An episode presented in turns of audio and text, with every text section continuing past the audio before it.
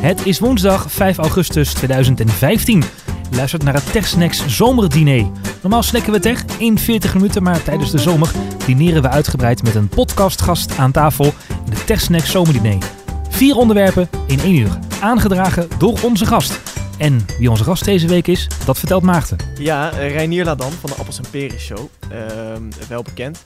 Uh, nemen we dan aan. Reinier, ja, welkom. Go goedenavond. Go goedemiddag. Het is een diner, hè, dus het is... Uh, Precies, we beginnen vroeg. Het, zit, uh, het diner is avond, toch? Tussen middag en avond in, ja. Ja, ja oké. Nee, ik eet altijd vroeg, joh. Gewoon Nederlandse tijden, 6 uur, hoppakee. 6 uur eten, 8 uur GTST. Ja, precies. Ja, ja, ja duidelijk. Na, na DWDD. Precies, en op zondag met bord op schoot, studio sport. Nee, voetbal. Oh, oké. Okay. Geen studiosport voor, uh, voor Renier. Maar um, nou, laten we maar meteen beginnen om even uit te leggen wat het TechSnack zomerdiner is. We gaan dus, um, normaal zitten we in TechSnack altijd heel snel, hè, doen we in 40 minuten, vier tech-onderwerpen. En, uh, maar vandaag gaan we uitgebreid uh, tech-dineren um, met Reinier. en Reinier, laten we dan maar de eerste vraag stellen. jij, jij, hebt trouwens vier onderwerpen aangedragen waar ja. we het vanavond over gaan hebben. En dus we zijn er heel benieuwd naar. Maar de eerste vraag, wie, wie is Reinier Ladan? Ja, daar ben ik zelf ook uh, al 33 jaar naar op zoek, naar dat antwoord. En ik geloof niet dat ik daar helemaal achter ben, maar ik kan je wel vertellen wat ik ongeveer uh, doe zo in het dagelijks leven. Dat is een um, goed begin. Ja, precies. Ik ben een interactieontwerper um, en dat uh, doe ik zelfstandig, dus freelance. Je kan me inhuren. Ik bezoek allemaal mijn site. Nou, genoeg reclame. en ik doe een, een podcast samen met Wietse Hagen, de Appels en Peren Show. En um, daarom zit ik ook hier natuurlijk, omdat ik een beetje in het podcast Apple wereldje zit, ja. zeg maar. Um, en dat doe ik nu al uh, bijna vier jaar met hem. En dat is uh, gewoon hartstikke leuk. Oké. Okay. Ja. En de Appels en Peren Show, voor wie het niet kent. Uh, waar gaat het over? Dat, dat, gaat eigenlijk gewoon over alles wat Wietse en ik leuk vinden. En uh, onze, uh, het Venn-diagram van de interesse van Wietse en de interesse van mij, dat overlapt elkaar wel grotendeels. Ja. Uh, als het niet overlapt, dan voel ik dat wel aan in de podcast en dan uh, ga ik gewoon weer over iets anders praten. En dat zit hem vooral in uh, Apple ook, onder andere. Maar ook vooral over dingen die de toekomst raken en die nu aan de gang zijn. zelfrijdende auto's, robotica, artificial intelligence, ja, noem maar op. ook vooral waar Elon Musk mee bezig is. maar het kan ook gewoon heel erg um, concreet zijn. Dus wat voor apps en ge gebruik je, wat voor boeken lezen we, dat soort dingen. Oké. Okay. En nou, je doet ook nog iets met een nieuwsbrief. Ja, ja, ik heb ook een nieuwsbrief inderdaad. 82 procent. Uh, dat draait nu sinds uh, een paar maanden, zo, twee, twee maanden. En uh, daar kan je voor op inschrijven. Dan krijg je elke vrijdag van mij, tenminste elke vrijdag, elke week in ieder geval. Het is voorlopig elke vrijdag. Krijg je een, ja, een nieuwsbrief vol linkjes met interessante dingen die ik ben tegengekomen. Artikelen, en dat helpt me ook weer, ja, helpt me ook weer om na te denken ja. over de podcast en zo. Dus dat, is, okay. dat versterkt elkaar allemaal. Oké. Okay. Maar het is niet dat, dat de podcast uh, de inhoud van de nieuwsbrief van een week geleden is. Dat nee. je niet meer hoeft te luisteren als je de, de nieuwsbrief hebt gelezen. Nee, nee, nee zeker niet. Nee, de, de, de onderwerpen komen ook uh, vaak bij Wietse vandaan. Dus, uh, Oké, okay, ja. ja. Um, we gaan in de Testneck zomerdiner van soort van oud naar nieuw qua onderwerpen. En om het eerste onderwerp nou oud te noemen vind ik ook een beetje disrespectvol. Al begon het wel in 1984 uit mijn hoofd natuurlijk. Ja, het begon wel voordat jullie geboren waren denk ik. Ja, ver, ver ja. ja. ja. Want jij wil het als eerste hebben over de Mac. Ja. De computer van Apple. Nou, hoeven niet uit te leggen verder. Ja, um, alle drie gebruikers van de Mac hier. Ja. Drie Macs voor ons. Nou ja, twee. Reinier heeft zo beleefd om zijn Mac in zijn tas te houden. Ja. En uh, Maarten heeft de nieuwste, de 12-inch MacBook. Dat is eigenlijk de, de, hè, de ultieme vorm van de Mac nu. Maar het, het, is dat eigenlijk wel de ultieme vorm? Hij is, is wel dat... mooi, hij is wel mooi. Ja. Ja, dank je. Ja, daar ben ik, ben ik zo ook heel tevreden over. We hebben het de vorige podcast ook over gehad. Het is uh, voor mij, voor de huistuin en keuken. Oh, de vorige podcast? Oh, we hebben, we hebben oh. uh, follow-up. Oh ja. Ja, dat missen jullie helemaal. Uh, ja. ik zat te luisteren. Ik zat te luisteren naar de podcast en jullie hadden ineens het over Chrysler en over Jeep. En alsof dat één ding was of zo. Maar toen dacht ik van, nee, dat klopt niet. Jeep is gewoon een merk. Mensen noemen wel zo'n zo'n wagen wat eruit ziet als een Jeep, noemen ze een Jeep. Maar het is, geen, het is niet net als Maggi. Maggi ja. is ook een soort van, hè, dat is ja. niet alles wat Maggi is, is Maggi. Of Luxeflex. Niet alles wat Luxeflex is, is Luxeflex.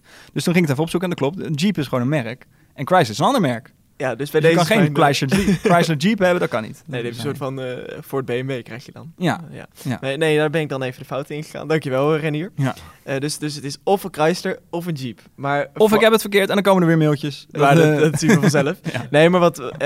dus of een Chrysler of een Jeep is niet dezelfde auto. Wat wel hetzelfde was, is dat die hack voor allebei de automerken gold. Dat was wel belangrijk. Oké. Okay. Ja, ja, het zat in het uh, onboard navigatiesysteem, wat een soort van CarNet systeem had, waar je via je smartphone allerlei dingen op kon doen. Je car tracken, uh, de auto ontgrendelen. En het is inmiddels gepatcht, maar niet door uh, toedoen van Chrysler slash Jeep, maar door het toedoen van Verizon, want die hebben de poort geblokkeerd waar het systeem op zat. En ja. Het werkte via 3G. En ja, die poort is gewoon dichtgezet. En toen was het een soort van ultieme patch. Ja, scary man. Dat je gewoon je auto eh, instapt en dat iemand anders gaat rijden gewoon ermee. Heftig, Ja. hè? Tenminste, dat is wel de toekomst, maar niet op deze manier. Ja. Ja. Ja, ik heb, ik heb trouwens... oh, dat is even nog een klein zijspoortje dan. Ik heb... ehm, ah, joh, doen gewoon de appels en peers. ja. Gewoon zijsportjes. All over the place. Nee, dat, eh, ik heb laatst in een auto gereden met Adaptive Cruise Control. Ken je dat? Ja, ja. Dat, eh, dat is voor mij een beetje het eerste ehm, idee van een zelfrijdende auto. Ehm, en je normaal cruise control, dat zet je aan en dan rij je 120 en dan blijf je 120 rijden. En dat is cruise control, dan rij je 120. eh, dan zet je je cruise control vast, dan hou je je voet van het gaspedaal. En ehm, dan blijf je 120 rijden. En op het moment dat je zeg maar, te hard inrijdt op je voorganger, dus er wordt voor je geremd, gaat je auto ook remmen. En eh, dat vond ik zo raar. Dus je kon de hele, je kon, je kon de hele weg eh, over de snelweg, zeg maar, het was niet, niet al te druk, kon je gewoon rijden zonder dat je ook maar iets deed met je gaspedaal. En hij, eh, dan ging je inhalen en dan trok hij weer netjes op. En dan ging je weer terug. Dus dat zag hij ook. Dus je, dat je Ja. een baantje opschoof en dan Ja. gaf hij gas. Ja, dan geeft hij weer gas bij. Tot Ja. 130 dan of zo. Tot, ja, tot waar ik hem had vastgezet. Oké. Dus dat maakt niet uit, dat kun je natuurlijk zelf kiezen. Je, je Ja, dus hij net- pakt de maximum snelheid die je hebt vastgesteld. Dus hij gaat nooit sneller dan 120. Eh, nee. nee, hij gaat niet nog versnellen omdat hij dan sneller langs is of zo. Maar kun je dan wel inhalen? Ja, ja precies. Ja. Hoe hou je dan in? Want als je rijdt 120, je gaat een baantje om en dan zit Maar je, je nog gaat, steeds... toch, je gaat toch inhalen omdat degene voor jou langzamer rijdt? Ja, dat kan. Ja, ja. Vaker. Ja, je kan ook zelf wat gas bijgeven en dan laat hij hem zelf weer terugzakken naar waar je Ja, er zijn scenario's dat je 120 rijdt, komt iemand voor je rijden, die gaat ook precies 120 rijden, dan wil je Ja. voorbij en dan... Dat is irritant, dan moet je Ja. hem zelf gas bijgeven. Precies. Dat, dat doet hij niet. Nee, het werkt met een radarsysteempje voorin. En eh, zo, zo doet hij dat, zeg maar. Dus je moet ook met slecht weer kun je het niet doen. En in bochten moet je opletten. En Ja, dan enige ziet hij wat ik- niks. wat ik, wat ik nog niet weet, en dat wil ik nog wel uitproberen, of hij ook eh, file kan rijden.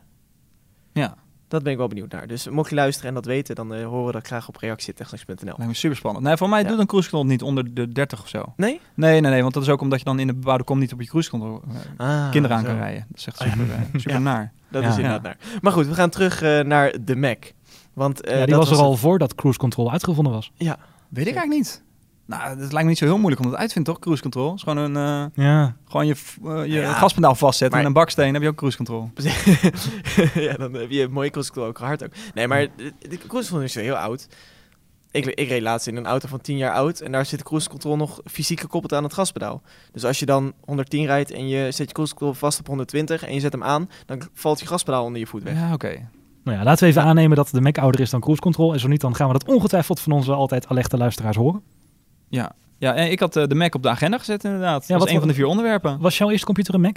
Ben je uit Ehm, Windowsland overkomen lopen? Of, daarom heb ik het ook wel opgezet, hè, om daarover te kunnen praten, hoe eh, mijn eh, eh, du- duistere verleden is in de computerwereld. Eh, maar ehm, eh, ik kan me herinneren dat we vroeger thuis wel een, een, een DOS-computer hadden. Mhm. En eh, daarna, na het DOS-tijdperk in onze huishouden, kwam er een Mac. En dat was een Performa 5200. Ik weet niet of jullie dat iets zeggen. Voor mijn tijd. Ja, dat, dat was eigenlijk een iMac. Dat was een, eh, een, een, een, een, monitor, gewoon zo'n zo'n zo'n kast wat je vroeger had. Maar daarin zat de computer. En daarin zat ook de, de CD-ROM-drive. Er zat ook Oké. gewoon een CD-ROM-drive in. Ehm, en een floppy-drive. En later heb ik me pas beseft, toen de iMac uit was en zo, van ja, dat, dat was eigenlijk ook gewoon de voorloper van de iMac. Dus dat, dat was voor het Steve Jobs-tijdperk, was er al een iMac eigenlijk. Ja, maar dan Ehm, een beetje hoekiger, vierkantig. En, ja, het zag eruit als een, een, een wat grotere monitor voor die tijd. En eh, nou, dat, daar was ik heel blij mee. Daar heb ik ook eh, een beetje op leren computeren en zo. eh, met Macromedia, Director, dat soort dingen allemaal. interactieve CD-ROMs en zo gemaakt in mijn vrije tijd. Photoshop gebruikt. En toen werd ik een jaar of 17 denk ik of zoiets. 16, 17. Toen wilde ik spelletjes spelen. Nou, dat ging eh, moeilijk op de, op de Mac. Dat, Je Ja. kon Mist kon je wel draaien. Of wat shareware games. En toen dacht ik van, ja, weet je, eh, bekijk maar met die, eh, met die Mac-computer. Want we hadden wel, eh, ook internet was lastig op zo'n Mac toen. Ik moest zelf allemaal modemdrijvers moest ik configureren, weet ik veel wat en zo. Dus Oké, dat was in het, in het pre-iMac tijdperk was het echt lastig, want de iMac is weggezet als hè, de ultieme internetmachine verbinden Nee, het was inderdaad pre, eh, Ehm, en eh, dat, dat werkt allemaal met eh, PTTP, PTP-protocollen, weet ik veel hoe het allemaal eh, werkte. En toen eh, dacht ik, ja, ik koop een Windows-computer. En daar heb ik toch twee jaar mee volgehouden. Mijn vader zei nog wel van, eh, nou jongen, hè, later, dan, eh, als je wat ouder bent, dan eh, snap je het allemaal wel. En dan kom je weer terug bij de Mac.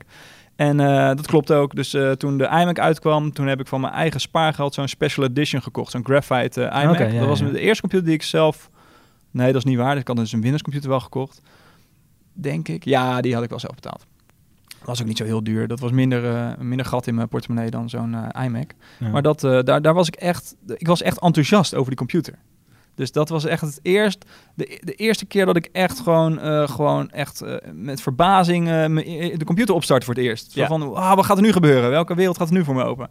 En dat vond ik heel erg vet. Dus dat, dat is een beetje mijn geschiedenis met de Mac. En daarna ben ik alleen maar op de Mac gaan werken. Ja. Privé in ieder geval. Ik heb nog wel wat baantjes gehad waar dan ook wel echt een computer moest worden gebruikt, een Windows computer. En dan probeerde ik dan wel mijn, mijn laptop mee te nemen om dan toch via het netwerk erop te komen. Allemaal hartstikke lastig en zo. Ja, Maar dat is, eh, ja, dus, jij, eh, bent, eh, jij bent de jongste Mac-gebruiker onder ons, Maarten. Volgens mij nog niet. Ik herinner me dat jij een Windows-laptop had. En niet, een aantal, in niet zo'n aantal lang jaren geleden. wat is dat ja, nou? Ja, ja, nee, ja, ik ben inderdaad eh, vrij recent, nou vrij recent, een paar jaar geleden ben ik overgestapt ehm, op de Mac. Ehm, ook voornamelijk, ik ben, ik ben de eerste in het gezin. Dus eh, dan heb je dat eh, al veel. Als je kijkt naar, naar van One More Thing bijvoorbeeld, naar, eh, naar Jan David en Koen. Ja, die, die hadden Met de paplepel, ja. ingegoten. Ehm, en ik had gewoon de financiële middelen niet. Dat was heel simpel. Ehm, totdat ik een beetje met ontwerpen aan de slag ging van, van logootjes. En dat vond ik leuk voor, voor de hobby. Ja, toen kwam je toch al vrij snel uit dat een Mac gewoon veel gaver werkt. En uiteindelijk heb ik voor Apple in een winkel gewerkt. Als, als zijnde Apple Sales eh, Professional daar gewerkt. Ja, en dan gooi je steeds meer in. En zo ben ik zeg maar Mac gaan gebruiken. En nu heb ik inderdaad een 21,5 inch eh, iMac thuis staan. En een, nu dus de, de MacBook. eh, eh, eh, Ma- MacBook 12 ja, de inch. MacBook. Ja, ja. Ja, de Retina Ehm, 12-inch MacBook. Dus Ja. je bent de jongste, maar je hebt ook meteen de, de nieuwste laptop. ja, ja Want ik klopt. sta aan de Air. Oh, en ook nog even een recapje van mijn eh, computerverleden. Mijn eerste computer was een Pentium 90. Kwam hem laatst nog tegen op zolder. Pentium 1 met Windows 95. Toen ben ik ingestapt. Ik ben eigenlijk pas eh, na de iPhone ook. ehm, in 2011 ben ik overgestapt naar een MacBook. Ik had toen mijn Windows laptop destijds. Ik had een, een HP laptop. Ik deed eh, voorheen een opleiding eh, tot systeembeheerder. Eh, voor mijn eh, opleiding journalistiek. Echt? Deed ik wist opleiding, tot- eens. opleiding tot systeembeheerder. En daar, man. daar zat je gewoon helemaal in de Windows Server en eh, virtuele machines. En eh, ja, Windows XP moesten we allemaal gebruiken. NT niet? Nee, ik, ja, we begonnen met NT en later bouwden we het op van 2000 naar XP. En XP was toen een beetje de state of the art, weet je wel, met Service 2003. Dat was, hè, dat was het. Nou, toen was ik klaar met die opleiding. En toen ging ik een, eh, een mediaopleiding doen. En daar liep iedereen ineens met een MacBook. En toen ik eh, ja, mijn Windows laptop liet vallen, toen dacht ik, oké, toch maar een MacBook. Nadat ik een iPhone had. En ja, 2011 was mijn eerste Macjaar. En 2010 was mijn eerste iPhone-jaar na Nokia. En eh, HP trouw gebleven te zijn. Ja, jij hebt dus een keer een Windows laptop laten vallen? Ja, Ja, ik heb een keer een MacBook, eh, zo'n witte, zo'n mooie MacBook Oh. laten vallen. Kun je toch zonde. beter een Windows laptop Plat op zijn rug, CD-ROM schoot eruit. en het enige, gelukkig het enige wat kapot was, was dat er zat zo'n haakje ook. Als je hem dicht deed, ging er zo'n haakje, dat, dat sloot dan eh, zeg maar, gewoon de, Oh ja. de clamshell, zeg Ja, maar. ja. ja. Dat was kapot. Dus hij ging niet, hij ging niet meer helemaal 100% dicht. Oh, nou Ja, gelukkig. ik schrok me rot. Geen barsten in Ik schrok me rot. Ik kan Oh. me voorstellen. Nou ja, plastic was nog wel, eh, wel te doen. Ja, die ging dus niet kapot, Nee. plastic. Het- hij viel echt vanuit uh, ho- borstho- borsthoogte, had ik hem vast en liet ik hem aan mijn handen vallen. Zo, bam. En wat heb je nu voor Mac? Ik heb nu een eh, 15-inch MacBook Pro Ja? en ik heb een, eh, een iMac op kantoor staan. Een, eh, een nieuwe, mooie Retina. Re- nou... Retina, sorry. Retina. Ja, wij krijgen nog wel eens opmerkingen in de Absaperen Show over hoe we dingen uitspreken. Ja. Dus, Retina. Wij ook, vooral over stopwoordjes en zo. ja, wij zeiden steeds Retina. Retina. Ja, ja. maar dat mag niet. Retina. En hoor je bij de Stompe Hoekjesclub? Heb je hem al een keer op zijn kant laten vallen of niet? nee, Stompe niet. Nee. hoekjes. Ik hoor wel Ja. bij, de, bij de Stormvliegjesclub. ik had een, eh, een stormvliegje in mijn monitor zitten een jaar geleden, in mijn Oh. MacBook. Hmm. En hij was een maand voor de garantie gelukkig, zat hij erin. En ik, ik ging me zo'n beetje porren, dat beestje. Want ik zag dus ineens een echte bug, een echte bug lopen Echt in, mijn, in bug, mijn scherm. ja. En ik ging een beetje porren met mijn vinger. En hij, hij wilde, de, hij, hij, hij snapte dat. Hij ging verder omhoog, verder omhoog. Maar toen had ik hem iets te ver gepoord, dat was, toen was hij dood. En hij zat net onder mijn menubar. Dus ik had echt zo'n, zo'n, zo'n, zo'n nou, dus ik denk een soort, in ja, soort tien, tien dode pixels leken het. Nou, dat is Ja. wel heel naar. Ja, Ja, toen ik bellen van, eh kan het nog, dode eh, pixels, ja, kan er nog gerepareerd worden. En dat kon gelukkig binnen de garantie, anders had het me een paar honderd euro gekost. Ja, ja, ja. Maar, eh, en toen ging Google ook, van wat is dit joh, hoe kan dat? Maar meer mensen op het Apple forum hadden gewoon zo'n Thunderbug, heet zo'n beestje, had gewoon in hun computer. Dus ja, er zitten natuurlijk ventilatoren in zo'n Ja. scherm om, om het te koelen. Ja. En daar kunnen Ah. ook beestjes in. Toen nog wel. Eh, ja, en die van jou niet? Nee. Nee ja, hij is helemaal vacuüm of zo. Hij is, hij is helemaal fanless. Ja, ja, maar ook het scherm is dus Ja. helemaal dicht. Ja. Ja, ja, ja. Ja, ja, ja. Dat Ja, het zijn ehm, drie lagen minder, geloof ik, dan in mijn R zitten. Maar daardoor wordt het ja, kleiner en vacuüm. En ook aan de binnenkant is het eh, ja, een klein chipje. Je hebt die foto's vast gezien van het kleine chipje wat in de MacBook eh, 12 inch zit. Ja, maar toch moet ik je teleurstellen. Want er zit wel één poort nog op. Twee Ja. zelfs. Hè? En dan kan een beestje gewoon in. En er zit ook een verbinding tussen je, je body en je scherm. Want anders kan het ja. scherm natuurlijk iets laten zien. Dus de- de- het zou heel klein. Dus dat er eitjes worden gelegd. Die beesten heel klein. Die gaan zo op die scherm in. Het is toch niet bugproof, mijn... Zou, het eh, niet, eh, zou me niet verbazen als het gewoon zou lukken. Oké, La- laten we het niet eh, uitlokken, uitproberen. Eh, als je kijkt naar de huidige Mac line-up, wat, wat zijn je gedachten daarover dan? Nou, wat ik interessant vind is dat sinds de, de iPad is uitgekomen en ook wel de, de iPhone, is dat je ziet dat ehm, ehm, Apple toch meer de keuze maakt om de professionele gebruiker te pleasen voor de Mac. Eh, dat er steeds meer power features inkomen. En dat gaat nu ook wel weer met uh, El Capitan gebeuren. Dus de, de Ja. Eh, hoe heet dat? Dat die Metal. schermen zo... eh, ja, metal ook inderdaad. Maar dat, ook dat de gebruiker dus meer features krijgt. Ja. Dus het, het dubbel scherm en zo. Ja, ik, ik geloof niet echt dat... eh, bijvoorbeeld mijn ouders zullen dat niet snel doorhebben. Dat moet ik ze echt wel een keertje met kerst... als ik daar de computer weer aan het fixen ben... uitleggen dat dat zo, zo werkt. Ja, ja. Maar het zijn echt wel features voor mensen die wat vaker met een Mac werken. Professioneel vaak. Of gewoon als hobby gewoon wel echt een paar uur per dag... gewoon lekker aan een Mac zitten. Ja, een paar jaar geleden was het eh, juist het verhaal dat Apple de professionele gebruiker een beetje uit het oog verloren was, omdat de Mac Pro maar niet geüpdate werd. Ja. En ik heb inderdaad wel het idee ook dat sindsdien, sinds de Mac Pro weer geüpdate is, zie je ook dat er hard wordt gezet op Final Cut, naar hun eigen ehm, suite en aan Metal ook vooral, wat ja, enorme snelheidsverbeteringen Ja. teweeg gaat brengen. Ja, ja, en ook die, die, ja, de nieuwe iMac eh, met een retina-scherm. Ja, dat is ook niet echt voor de hobby, hobbyist, want dat Nee. ding is gewoon knijten duur. Dus eh, ja, eh, Ja. maar als professional eh, wil je toch eh, die paar honderd euro extra betalen om gewoon, gewoon lekker te werken acht uur per dag. Ja, en toch hoor ik van heel veel professionals ehm, het bekende verhaal. ik werk vooral met Adobe, zegt de professional dan. Dat draait op Windows eigenlijk net zo lekker als op een Mac. Dus vertel me eens waarom ik een Mac moet kopen. Hoor ik heel veel van ja, professionals. Ja, ik zou niet op een Windows computer kunnen werken, want ik heb een paar softwarepakketten die ik gewoon wel veel gebruik als interactieontwerper. Eén is OmniGraffle, dat is zo'n, het, het is begonnen als een soort flowchart programma, maar je kan er best wel wireframes in maken. Helemaal niet interactief of zo, maar daar schets ik eh, wel vaak eh, wireframes in uit. Ehm, en eh, Curio, dat is een soort whiteboard programma. Da- daar kan je heel veel eh, whiteboard schermen optoveren. Dan kan je met notities opgooien, plaatjes. eh, eigenlijk een soort OmniGraffle, maar dan veel vrijer en veel, ja, veel losser. En dat heb je gewoon niet op... eh, je- natuurlijk heb je misschien wel alternatieven. Maar ja, ik ben er gewoon aan gewend om dat op een Mac te doen. Ja, en dan wil je dat gewoon zo houden en niet tijd steken Ja. om je workflow aan te passen. Nee, en het besturingssysteem is ook fijn. Ik, ik, ben, eh, ik, ik doe ook nog wel wat eh, development werk. En eh, een Mac is toch Unix. En daar, daar, ja, daar draait gewoon alles veel Nou, fijner je op. hebt een echte, echte command line. Ja, precies. Ja, Ja. ik doe gewoon eh, dingen met, eh met Node en zo. En, Brew eh, waarschijnlijk. Ja, precies. Dus dat, eh, dat ja, ik, ik, ik heb niet het vertrouwen dat als ik over zou stappen op een, eh, op een Windows computer, dat ik daar nog lekker kan developen of zo. Nee, ja, al wil ze dat met Windows 10 wel aanpakken, want daar gaat de, ja, de PowerShell wordt weer uitgebreid, heb ik gehoord. En dat wordt allemaal wel verder naar de Unix-taal getrokken, maar volgens mij zijn ze daar nog lang niet. Ja, maar dan moet je ook developers hebben die die tools allemaal die Ja. nu voor Unix zijn geschreven, die ook beschikbaar worden voor Windows. Ja, dat Ja, die ze omzetten, die supporten. Ja. Ja. Nou, en behalve dan nu hè, dat, dat de professionele gebruiker dus ehm, eh, steeds meer wordt, wordt ja, bediend door Apple, ehm, is het ook zo dat ze wel wat toegankelijker worden, de Macs. Als je kijkt naar de, eh, de instappertjes, de goedkopere modellen, die gaan nu voor onder de 1000 euro. Ja. Eh, vaak wordt daarmee gestund en gaan ze eruit. Ja. Volgens mij kun je nu een MacBook Air kopen al als je een goede actie bij de Mediamarkt vindt vanaf 800 euro. Ja.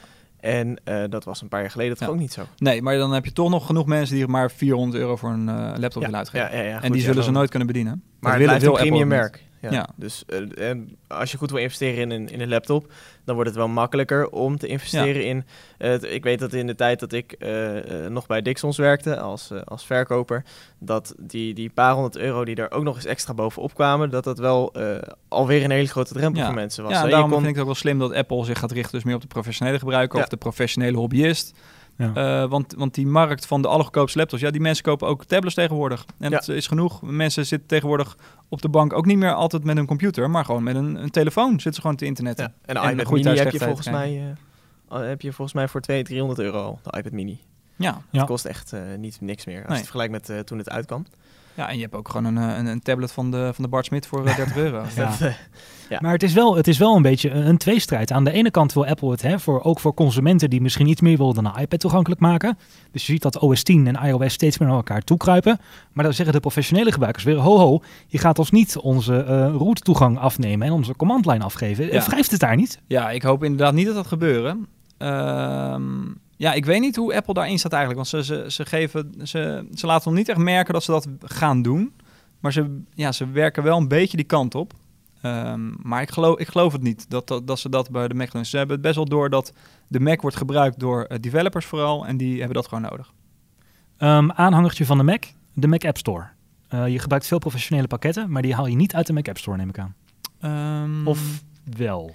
Ja, het is een beetje een mix van beide. Oké, want je hoort in, ook in professionele kringen heel, kringen heel veel geklaag. En ook eh, professionele apps als Coda die hun apps uit de Mac App Store halen. Omdat ze zeggen, we kunnen gewoon niet genoeg jongens. Hè? Wij zijn, wij zijn eh, pakketten voor power users. Ja. En wij kunnen gewoon niet tot, eh, tot het systeem doordringen waar wij willen. Door al dat sandboxing en Ja. limi- limitaties, et cetera. Nou, dat hoeft ook niet.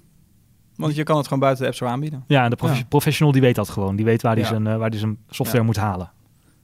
Ja, precies. Dus dat maakt het, maakt het niet noodzakelijk dat de boel in die App Store staat. En ehm, ja, denk je dat, dat eh, Microsoft het kan gaan evenaren met de Windows 10 App Store? Zo'n zo, zo'n systeem als Apple nu heeft opgebouwd met de Mac App Store. Waar ik denk toch- dat ze heel veel Windows-gebruikers wel er blij mee maken, ja, met zo'n App Store. Ja. Ja, Ja, het, het zit natuurlijk al in, ja, inmiddels. Ja, precies. Windows 10 Dat- is net dat- uit, volgens mij. dat, dat mensen daar blij van worden, dat, dat denk ik wel. En als, als we jou nou een ehm kant-en-klare laptop kunnen aanbieden met, met ongeveer dezelfde snelheid als, eh, als jouw MacBook nu. En ehm, daar staan dan vergelijkbare programma's op waarmee je nu werkt. Eh, hij draait alleen op Windows. Zou je, zou je dat dan doen? Of zou je Ja, zeggen, tuurlijk. blijf Ja, ik ben, ik ben niet per se eh, alleen maar 100% een, eh, een, een Mac-natie. Maar, eh, oh, daar valt het woord al. Maar, ehm, eh, welke, nee, welke internetwet is dat ook weer? de, eh, eh, Godwin? de Godwin. De ja. Godwin, ja. Godwin. Nee, maar nee, ik zou prima op een Windows-computer kunnen werken als dat het enige alternatief is. Ik, Ja, kies, nog, ik kies dan nog wel liever, denk ik, voor een Windows-computer dan voor een Linux-computer. Mhm. Eh, omdat op Linux voel ik me nog beperkter, denk ik, dan op een, eh, een Windows-computer.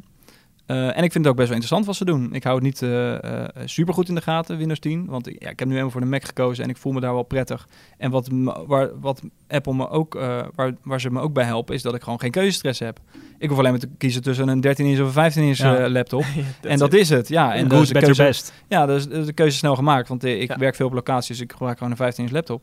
Eh, maar bij Windows computers, ja, dan moet je eerst maar eens eh, zien wat voor merk je wil kopen. En dan in het merk heb je ook nog eens eh, 15 verschillende laptops. Dus ik, ja. Ja. daar zou ik gek van worden. Dus dat, dat doe ik Ja, niet. en je kunt er niet meteen mee aan de slag. Ehm, consumenten misschien wel, maar ook professionals kan ik me indenken dat die eerst alle bloatware en eerst alle, alle gratis virusscanners die erbij zitten en Ja, trial versies, dat die er allemaal ik hoop af dat dat een beetje afgenomen is, maar ik begrijp van jou dat dat niet zo is. Nee, ehm, de, Microsoft heeft een soort van A-brand, dus A- ah ja, A-merkenprogramma gelanceerd waar die merken op aan kunnen sluiten. Maar dat wordt, wat ik heb gezien, ehm, er was laatst een artikel op Tweakers over, maar tot 6 tot 7 procent van de verkochte PC's die vallen onder dat programma. En de rest van de hardware wordt gewoon gesubsidieerd door trials en dat soort dingen. Dus dat, Waanzin. dat, dat schiet niet op. Ja, en eh, Microsoft stopt nu zelfs eh, advertenties in zijn solitaire spelen. Ja. Dat is toch ook belachelijk?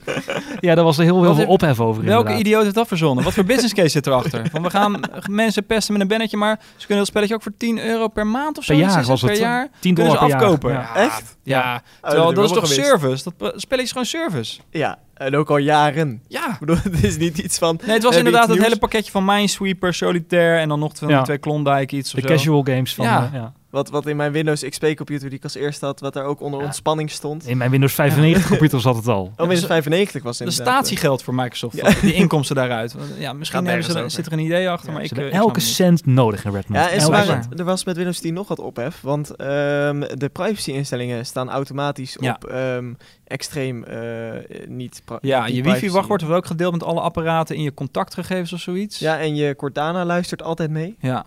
Waarvan Ja, ik me maar- dan afvraag hoe, hoe, hoe dat dan precies gaat. Want wordt dan elk woord wat er in de woonkamer gezegd wordt, wordt dat dan naar een server gegooid? Maar lu- luister, daar is nu allemaal ophef over, maar Google doet al jaren hetzelfde en er valt niemand over. Ja, dat, dat maar- bleek dat het bij Google alleen maar was als je eh, een bepaalde settings eh, aanzet of zoiets. Ja, en Microsoft heeft standaard aangezet. Ja, Dat Microsoft heeft standaard wel Ja. om hè, voor de personalisatie, et cetera, hebben, ze Ja. het wel, hebben ze het wel aangezet.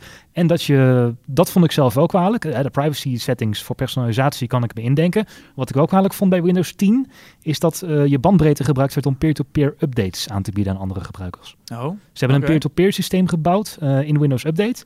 Dat heet dan het verbeteren van de update experience, waardoor gebruikers onderling ook ja, op een, het zou eigenlijk op een, alleen op een LAN-netwerk zijn, maar het blijkt ook op het WAN te werken, dus over het grote internet. Ik denk dat het alleen maar de Windows experience verbetert. Dat ze daar eh, minder Ja. bandbreedte verstoken. Ja, precies. Ja, elke cent telt eh, inderdaad blijkbaar bij eh, Microsoft. Ja. Jongen, jongen, jongen. Ja, de, de, de business balance books, die hebben het blijkbaar eh, tellen tegenwoordig zwaar mee. Ja, de, de accountants die eh, schrijven gewoon mee met software. Oh, daar kun je nog eventjes een eurotje verdienen.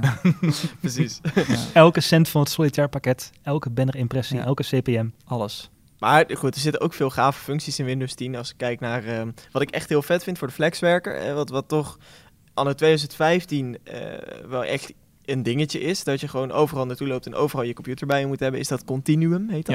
Ja, ja. Dus dat je op je nieuwe Windows 10 telefoon, die je volgens mij over een paar maanden kan kopen, ehm, die heeft genoeg processorkracht om te zorgen dat als jij jouw Windows 10 telefoon koppelt aan een beeldscherm en je gooit daar een Bluetooth toetsenbord en muis aan, dat er gewoon je volledige eh, desktop Ja. eh, apps draaien. Ja, daar hebben we het inderdaad over gehad, ook in de laatste Observer aflevering. En eh, toen hebben we het ook nog even over gehad van, ja, is dat nou iets wat Apple zou doen? En ik denk het niet. Het zit niet echt in Apples eh, Nee. DNA of zo, Nee. om je iPhone als een soort van iOS desktop op een computer te toveren. Maar dat is, dat is inderdaad wel interessant voor Microsoft. Die doen dat gewoon. Ja. Die gaan daar wel Ja. eh, openlijk mee experimenteren. En is dat iets wat kan? En ik, ja, als het, als het ehm, wel in een iPhone zou kunnen, zou ik het wel eh, interessant vinden. Zou ik er wel van denken van, nou, wauw. Ja, precies. ik weet niet of ik het zou gebruiken, want ik geloof er niet heel erg in. Maar ik zou het wel interessant vinden. Maar ja, en de gemiddelde klanto- eh, kantoorklerk, ja, die wil tekst verwerken, die wil browsen en die wil eh, misschien een beetje paint en een beetje, ja, een beetje... Kan prima op, ja. je, op de processor van je telefoon. Ja. Ja, ik wil zeggen, Ja. volgens mij schaalt Word mee en Excel mee. En. Nee, nee, nee. Je krijgt, echt, je krijgt echt ook de desktop eh, Ja. applicaties. Die zitten gewoon in die, in die app op je, op je Ja, het is één app die precies. een Sterker responsive nog, app, toch? sterker nog, je kan je de desktop dan gebruiken, maar je kan ook nog je telefoon gewoon gebruiken. Ja, klopt. Oh ja, Zonder ja. dat je eh, weet dat het op je desktop ook draait. Ja, ja het is echt, ik vind dat echt heel erg vet gedaan. Ja, En overigens, Office, eh, als, we het, als we het er toch even over hebben, de, de Office 2016, het is net uit ook voor, eh, voor Mac, tenminste als je Office 365 hebt, dat abonnement. En dat werkt echt perfect. Heb je Office 2016 al Nee, geprobeerd? ik eh, probeer zo ver mogelijk bij Office weg te blijven. Ik, heb, ik werkte altijd op Pages en Excel, of eh, Pages en Numbers en, eh, en Keynote. Maar ik moest voor school, moest ik naar, voor, voor mijn opleiding, moest ik naar Office. En, maar met Office 2016, ik wil niks anders meer. Het werkt zoveel beter dan Pages. Het werkt zoveel beter dan Numbers. Het is, ja, nummers gebruik ik wel voor een beetje mijn, ehm, mijn administratie en zo. Pages gebruik ik eigenlijk niet. Eh, heel veel tekst schrijf ik gewoon in Markdown, in eh, gewoon eh, tekst, platte tekst editors. Maar eh, Keynote vind ik wel leuk. Er zitten gave animaties in met vuur en met eh, glitters. en, Ja, kan. PowerPoint 2016 een beetje op tegen Keynote? Of is dat, heb jij dat onderdeel niet gebruikt? Jawel, ja, ik vind de, vooral het gebruiksgemak, wat ik bij eh, Office 2011 op je Mac vond ik echt dramatisch. Ja. Dat werkte echt voor geen meter. En eh, qua gebruiksgemak vind ik het zeker. Ehm, ja, de toffe animaties met vuur en zo, die zitten er even niet in. Eh. Maar wel gewoon goede animaties, dat je gewoon wel een leuk geanimeerde presentatie kan geven. ja, het probleem met PowerPoint was altijd dat het zo'n enorm gedoe was om te beginnen en om te ordenen en om dia's te ordenen Nee, en om overgangen te regelen. Oké, het is net zo makkelijk als Keynote. Die, die workflow is echt heel erg goed geoptimaliseerd. En ook de, de eh, knoppen in het lint en de positie van... Dus hebben ze, bovenin hebben ze zo'n lint met al je, al je spulletjes. ja, en 50% van je beeldscherm is gewoon knoppenbalk. Nee, nee, nee, dat valt echt heel erg mee. Ik heb een 12 inch in MacBook en eh, ik kan er heel goed op werken. Dus dat valt mee. En de posities kloppen. En ehm, ja, ik vind, ik vind het goed gedaan. Hey, van de eh, technologie op de desktop gaan we naar de technologie om de pols. Renier en ik eh, beginnen even druk met eh, swipen en kijken en eh, kijken of onze workout ringen al vol zijn. Maar Ja Maarten hoor, die heeft toch een beetje Nee. een lege Moeten jullie, pols. moeten jullie gaan Ik staan? heb net een of, notificatie dat inderdaad mijn, eh, mijn doelen voor vandaag zijn behaald. oh, dus jullie hoeven niet te gaan staan nu. Nee, Nou, over 10 minuten moeten we dus gaan staan, want dan is het tien voor het uur. En dan... Maar een beetje wapperen met je handen. Zo. Ja. Dan eh, denkt hij dat je staat. Nou, u had het al geraden. Het gaat over de Apple Watch. Ja, en eh, ja, twee mensen met een Apple Watch en één eh, iemand die wat, eh, wat meer sceptisch is over de Apple Watch. Ehm, Dat komt dat je er geen een hebt. Dat is het. Ja. Ja, ja, ja. Eh, twee weken met de Apple Watch, Renier. Ja, Eh, dat was wat je ons stuurde, waar je het graag over wilde hebben. Ja. En we zijn heel benieuwd. Ja, welke heb je? Ja, Ja. laten we daarbij beginnen. Ja, nou, ik, ik ben dus best wel een, een Apple-fan. Ik wil mezelf geen fanboy noemen, maar ik ben gewoon een, een enthusiast, zoals dat heet, denk ik.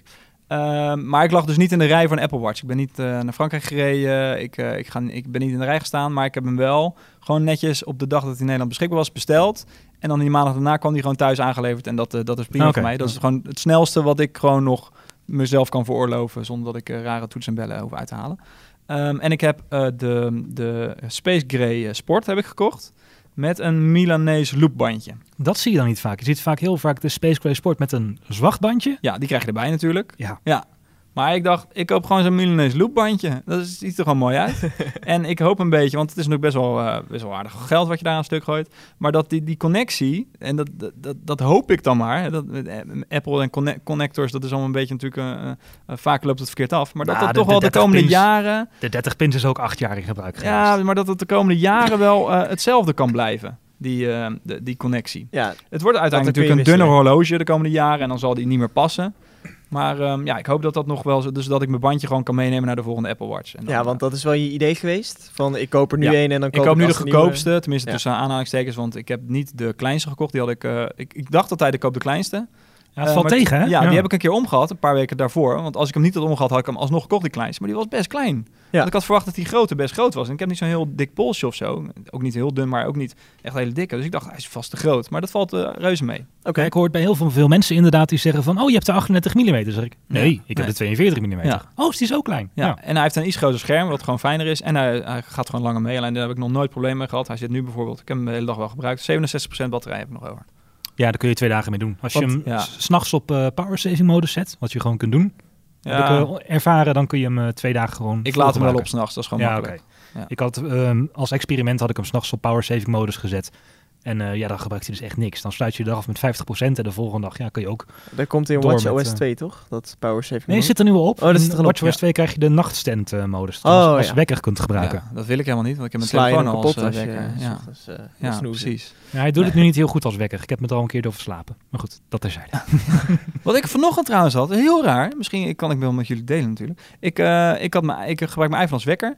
En ehm, dan heb je zo eh, dat het je wekker gaat, dan moet je even op zo'n knop drukken. Hè? Ja. Zo, eh, maar ik werd wakker van de wekker. Ik keek naar mijn iPhone en hij ging in stop. Hij ging Nee. uit, alsof ik erop had getikt. Had ik niet. Ja, en toen ging er gewoon een snoes-teller af. Zo van nog eh, negen minuten, wat is het? Ik dacht, wat is er gebeurd? Als dit, als dit nog sneller was gegaan, dan had ik er doorheen geslapen. Dan had ik me verslapen vanochtend. Maar dat, had je niet toevallig dat hij, dat hij het liedje al drie keer heeft gespeeld of zo? Ja, nee, nee, nee, nee, want als ik dat doe, dan wordt mijn vrouw naast me, die wordt helemaal eh, boos. Dat, eh, nee, dus dat had ik wel gemerkt, had ik een kus in mijn gezicht gehad. maar, ehm, nee, heel raar. Dat Oké. was een onderdeel van een eh, AB-test. Ja, misschien. Als, Ja. Ja, dus van, eh, misschien inderdaad zat iemand gewoon in Cupertino via de, de, camera mee te kijken. Van, Ja. oh, als hij maar naar de telefoon kijkt, Kijk. nou, dan gaat hij uit.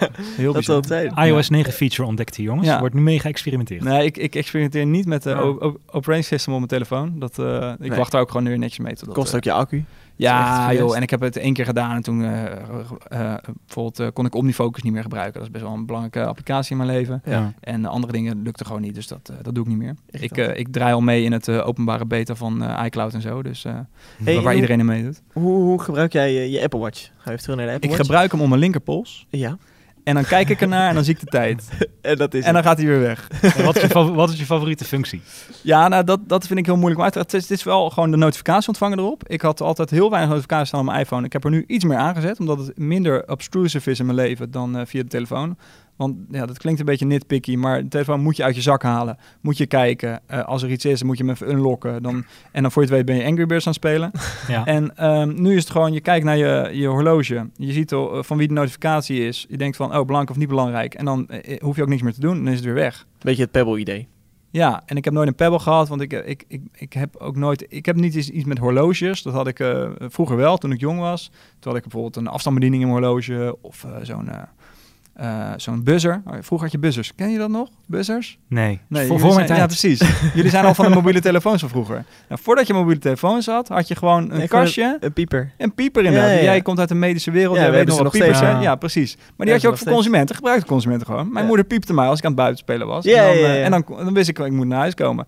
Dat, misschien vijf keer gebruikt. Dat zat in mijn horloge. Dus Ja. dat was een soort James Bond. eh, Nu, nu stuurt je moeder je, je, je hartslag. Ja, nee, mijn moeder heeft ook nog geen eh, Apple Ah. Watch. Dus eh, ik, maar- heb, ik, ik heb nog geen directe vrienden met Apple Watch. Eentje had hem een keertje van zijn werk. En eh, die, die stuurde me gelijk een piemel. En dat, nou, dat was het ook alweer.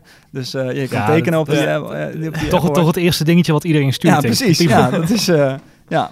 Nee, een pieper heb ik eh, twee weken, een paar weken geleden nog meegewerkt. Dat Oh, ja, ja. klopt. Nou, dat zat gebruikt. maar Ja. na die pieperhorloge heb ik geen horloge meer omgehad. Maar nu, eh, ja, nu dus de tijd vind ik ook belangrijk. Eh, dat klinkt heel gek, maar daarvoor koop je ook een horloge. En zo duur uiteindelijk in vergelijking met andere horloges is een Apple Watch niet. Van een Rolex betaal je een stuk meer en die kan een stuk minder. Ja. Ja. Die weet niet wat je hartslag is. Wat vind je, vind je hem ook als modeaccessoire mooi? Ja, ik, daarom heb ik ook een ander bandje erbij gekocht. Ja. Eh, Het Milanese loopbandje eh, was wat anders dan ik had verwacht. Ik had hem niet in de winkel nog zien liggen, dus Hmm. ik had hem besteld. En hij is wat minder, eh, het is wat minder een schakelbandje dan als je denkt. Dus hij is best wel dun, hij is best wel fijnig. Eh, maar ik vind hem wel fijn omdat je hem precies kan afstellen. Ja. Naar de, de, de omtrek van je pols. Ja, want je doet hem gewoon door een lusje, toch? Ja. Ja. Ja. je krijgt hem er niet eens doorheen. Oh. Maar ik ben toch van plan om misschien ook nog dat leren bandje te kopen van Nederlandse Met dat makelij. Nederlandse, ja, precies. Ja, dan wordt het een echt, echt horloge wordt het dan. En eh, ja, dat, eh, dat vind ik wel mooi. Oké. Dus het is ook echt wel weer een soort sieraad geworden. Ben je hem al wel eens vergeten? Nee, In de ochtend? daar, nou, ik denk dat ik hem ga missen als ik hem vergeet. Ja? Ja. Ik denk dat ik eh, gelijk zoiets heb van, hé, verdomme. Zou je ervoor teruglopen, denk je? Nee, dat niet. Maar Nee. ik zou het wel jammer vinden. Ik heb bijvoorbeeld de de met plakband op je pols toen. ja. Nee, de week voordat ik eh, die Apple Watch had, wilde ik eigenlijk weer het fietsen, eh, wat ik al een tijd niet meer heb gedaan, wilde ik oppakken. Eh, maar ik dacht, nee, ik wacht gewoon tot ik die Apple Watch heb. Want anders dan ga ik fietsen en dan wordt het niet ge- opgenomen door mijn Apple Watch. Dan heb ik die statistieken niet. Dus ik wacht wel Ja. totdat ik die Apple Watch heb. Dat is ook niks leuks meer aan sporten. Nee, dus ik ga ook niet lopen als ik die Apple Watch... Dan ga ik ook Ah. geen traplopen meer extra. ga ik ook niet één keer in het uur opstaan, want dat registreert mijn Apple Watch toch niet. En Doe je dat echt? Apple Watch het niet registreert, dan bestaat het ook niet. het- Ja, dat is het. Hè. Het is Ja. nu anno 2015. Ja. Als je Apple Watch niet registreert. Ja, dan is het er niet. Mijn leven is gewoon leeg. Ja, precies. Ja, Nou, je Ja, ringen zijn leeg. Ja. ja. Ja, dat vind ik, dat, eh, dat hadden we net tijdens het eten, hadden we het daar al heel even over. Die, die ringen, dat is dus, eh, daar wordt je activiteit op bijgehouden, eh, op je Apple Watch. Hè. Wat kun je daar allemaal op zien, op die ringen? Eh, dan kan je op zien hoeveel calorieën je hebt verbrand. Ik weet niet precies hoe ze dat meten. Het zal een Ehm, rekensommetje Iets zijn, met hartslag versus stappen versus Ja, inspanning. zoiets. zoiets, en dat heb ik op de allerlaagste, of de default stand heb ik dat laten staan, 350 calorieën of zoiets. Eh, ik zie het wel en dat red ik op zich wel elke dag. En eh, een blauwe rondje, dat is inmiddels voor het aantal keer dat je in een uur hebt gestaan. Nee, niet zo. Minuut aantal uren. Ja, het aantal uren dat je minimaal één keer hebt gestaan. Ja, een minuut lang. Ja, In beweging bent geweest, dat is het meer. ja precies. En het andere is ehm, eh, het aantal trainingsminuten dat je hebt doorlopen. Maar ik snap niet hoe die dat meet. Ik heb vandaag echt helemaal niks gedaan aan training en toch is die een kwart vol. Dus dat is voor mij, voor mij te maken met het eh, omhoog gaan van je hartslag. Ja, verhoogde hartslag, dan denk je dat je je inspant of in ieder geval wat doet. Dus als je volgens mij een kantoorpand met drie trappen oploopt, dan telt hij het ook al als inspanning Ja. omdat je hartslag licht Ja, stijgt. Maar hij meet het pas om de 10 minuten, dus ik vraag me af hoe nauwkeurig dat is. Nou, wat, wat je dus ook hebt op eh, de Apple Watch is een, een trainingsapp. Ja. En dan zeg je van, ik ga nu fietsen. Ja. Of ik ga nu hardlopen. En dan, dan gaat hij het wel gewoon gelijk Oké. bij bijhouden. Maar dat zijn dingen die kunnen mijn iPhone ook, eh, die kan mijn iPhone ook registreren. Ja, maar je kan niet onderweg op je fiets, als je geen houdertje hebt voor je iPhone, zien hoeveel calorieën je hebt Nee. verbrand, hoeveel kilometer je al hebt gefietst en hoe hard je gaat. Nee, goed, daar heb je een kilometer teller voor dan op, Ja, op precies. heb je zo'n zo'n Dat, eh, eh, apparaatje van TomTom of zo voor. Ja, nee, ik heb, ik heb mijn iPhone-houder inderdaad op mijn racefiets Ja, gezet. ja. Ehm, maar oké, nee, dat is, dat is het voordeel van om je pols. Maar waarom hebben we die, die cirkels? Dat kan toch ook gewoon op mijn iPhone dan? Eh, alleen de appje is er niet of zo. Ja, de app op de iPhone is er, doet het niet als je geen Apple Watch hebt. Vind ik ook raar. Want op zich... eh, want je kan, nee, want je kan het wel. eh, Er is wel een zo, zoiets voor. Ja, de gezondheid-app van de iPhone is er wel, maar de Ja. activiteit-app is weer een andere app. Ja. Ja, precies, maar die is, er, die is er ook voor de iPhone, alleen als je een Apple Watch hebt. ja, want dat heeft dus met die hartslag te maken. Hij registreert Ah, dus alleen maar die verbruikte calorieën en die eh, training als je een hartslag eh, hebt. Ja, die Oh, data zo. is nooit Ja. compleet Ja. zonder je inspanningsdata en, en je hartslag inderdaad. Hm. Dus. Maarten, als je toch wil weten hoe fit je bent, Ja, dan ehm, eh, moet ik toch eh, Ja. eens gaan nadenken. heb wil je Maar- al overtuigd of blijf je bij je houding? Nee, ik Ja. vind het nog steeds heel veel geld voor iets wat ik nauwelijks zal gebruiken. En wat, waar ik de meerwaarde niet echt van inzie. Ik heb een tijdje een Pebble uitgeprobeerd. En ehm daar heb ik al eens eerder verteld. Ik vond het, eh, die notificaties, nou, dat vond ik op zich nog wel handig dat je dat kon zien. Maar eh 9 van de 10 keer dat ik een notificatie eh, las, waarvan ik dacht, oh, dan moet ik wat mee, pakte ik mijn telefoon uit mijn. eh uit mijn Ja, maar dat moet met een Pebble. Ja, maar- een Apple Watch, ik praat gewoon tegen mijn Apple Watch. Zeg, joh, stuur een bericht terug en eh, dan doet hij dat. Nee, wat, ik- wat ik wel doe tegenwoordig maar is via Siri, nu Siri Nederlands is, op de fiets even mijn berichten voor laten lezen of mijn notificaties voor laten lezen. En dan gewoon via Siri terugbabbelen. Ja. Vind ik eigenlijk net zo makkelijk. En dan kan ik mijn ogen op de weg houden. ja. Jij denkt dat het net zo makkelijk is. Maar als je die Apple Watch hebt, dan is het nog makkelijker. Ja, nee, wat bij mij meespeelt is dat ik er geen koop omdat ik hem tijdens mijn werk eh, en mijn stages niet om kan. Dus dan eh, zit Ja. je al heel veel uren van de week dat je geen Watch Ja, kan dragen. nee, En dan dat- vind ik het ja. wel weer heel veel geld. Ik zou ander werk zoeken dan. Dat- ik, ik kan je wel vertellen dat jouw eh, referentiekader van de Pebble is echt geen referentiekader. Ik ben eh, voor OMT bezig om een... eh, om appels met peren te vergelijken, leuke vergelijking. Om namelijk de Pebble Time versus de Apple Watch te vergelijken. Niet op functies, maar gewoon op het grotere geheel. En daardoor Ja. ben ik dus een week met de Apple Watch rond gaan lopen. En de vorige week dus met de Pebble. En ik heb mijn Apple Watch ook wel een beetje gemist inderdaad. Maar functioneel is de Pebble ja, is gewoon niet, niet vergelijkbaar en geen enkel... Ja, het, het is gewoon een compleet andere beleving, eh, om het buzzword even te gebruiken, dan, dan de Apple Watch. Ja. Als jij een Pebble hebt gehad, is het echt geen referentie voor een... Nee. Maar hoe, denken jullie dat eh, de Apple Watch gaat ontwikkelen? De komende twee jaar. Laten we eens eh, twee jaar. Wanneer gaat Apple met die nieuwe dingen komen? En wat zit er dan in? Want Apple is vaak heel conservatief. Hè? Voor mij hebben ze de, de, de komende drie generaties al helemaal uitontworpen. Ja, en dan, ligt dan hebben ze zoiets van, oké, maar als we dit dan nu Halen dat doen, eraf dan en kunnen we volgend ja. jaar inderdaad dat relanceren en dan daarna dat. Wat, wat is jullie idee daarbij? Ik denk dat ze vooral die sensoren gaan optimaliseren. Dus eh, eh, dat, dat zelf meten wordt steeds belangrijker. En ehm, hoewel de, de, de zin en onzin er nog van bepaald moet worden dan, ehm, zal dat een grotere, het, het bijhouden van je leven. En dat is natuurlijk veel makkelijker, dat ben ik met je eens, vanaf je pols dan, dan op je telefoon, omdat je die er heet, dat je ook moet halen, die pols eigenlijk altijd er is. En daarop inspelen. En op die manier, zeg maar, eh, proactief sturen in, in wat jij dagelijks doet. Dus wat ze nu eigenlijk al doen met dat staan. Ik denk dat ze dat nog veel verder gaan doorontwikkelen. En dan eh, veel meer jou gaan coachen eh, daarin, in gezond leven, maar ook in je dagstructuur. En ehm, als, ik het, als ik het echt doortrek, zeg maar. Ja, dus hij ziet gewoon dat je steeds met je hand in de zak chips zit en dan, uh, joh, hou eens ja, bijvoorbeeld. Of eh, hij ziet dat je eh, nu al vijf dagen met de auto naar je werk bent gegaan. en wordt het niet eens tijd om te fietsen? Nee, dat is, dat is natuurlijk een beetje gechargeerd. Maar ehm, ook, ook je hartslag en dat soort, dat soort informatie, dat kunnen ze echt nog veel beter kunnen ze dat gaan registreren. Want de manier waarop dat nu gedaan wordt, ehm, die, die moeten ze dan gaan optimaliseren. En daar is veel onderzoek Ja. voor nodig. Ik denk ook dat ze dat aan het doen zijn hoor. Ja, in, de, in die Microsoft Band, ik weet niet of je daar dus wat over gelezen Ja, hebben, daar zitten veel meer jaar. sensoren. Ja. En dus als dat dan in zo'n, want het is best wel een smalle band, dus een stuk kleiner eigenlijk voor mij de behuizing is de totaliteit dan de Apple Watch. Ja. Ik, ik, ik zou als Apple daar toch goed, goed naar kijken, want er zit een UV-stralingsmeter in, er Ja, zit dat een warmtemeter in voor je huid. Er is al nog een belangrijk iets in waarvan ik dacht van, oh ja, GPS zit er natuurlijk gewoon in. Ja. Dat zit niet in de Apple Watch, heel raar. Nee, maar dat soort dingen, dat, dat gaan ze echt... eh, GPS vind ik ook typisch zo'n voorbeeld, eh, wat jij al zei, die strategie van Apple.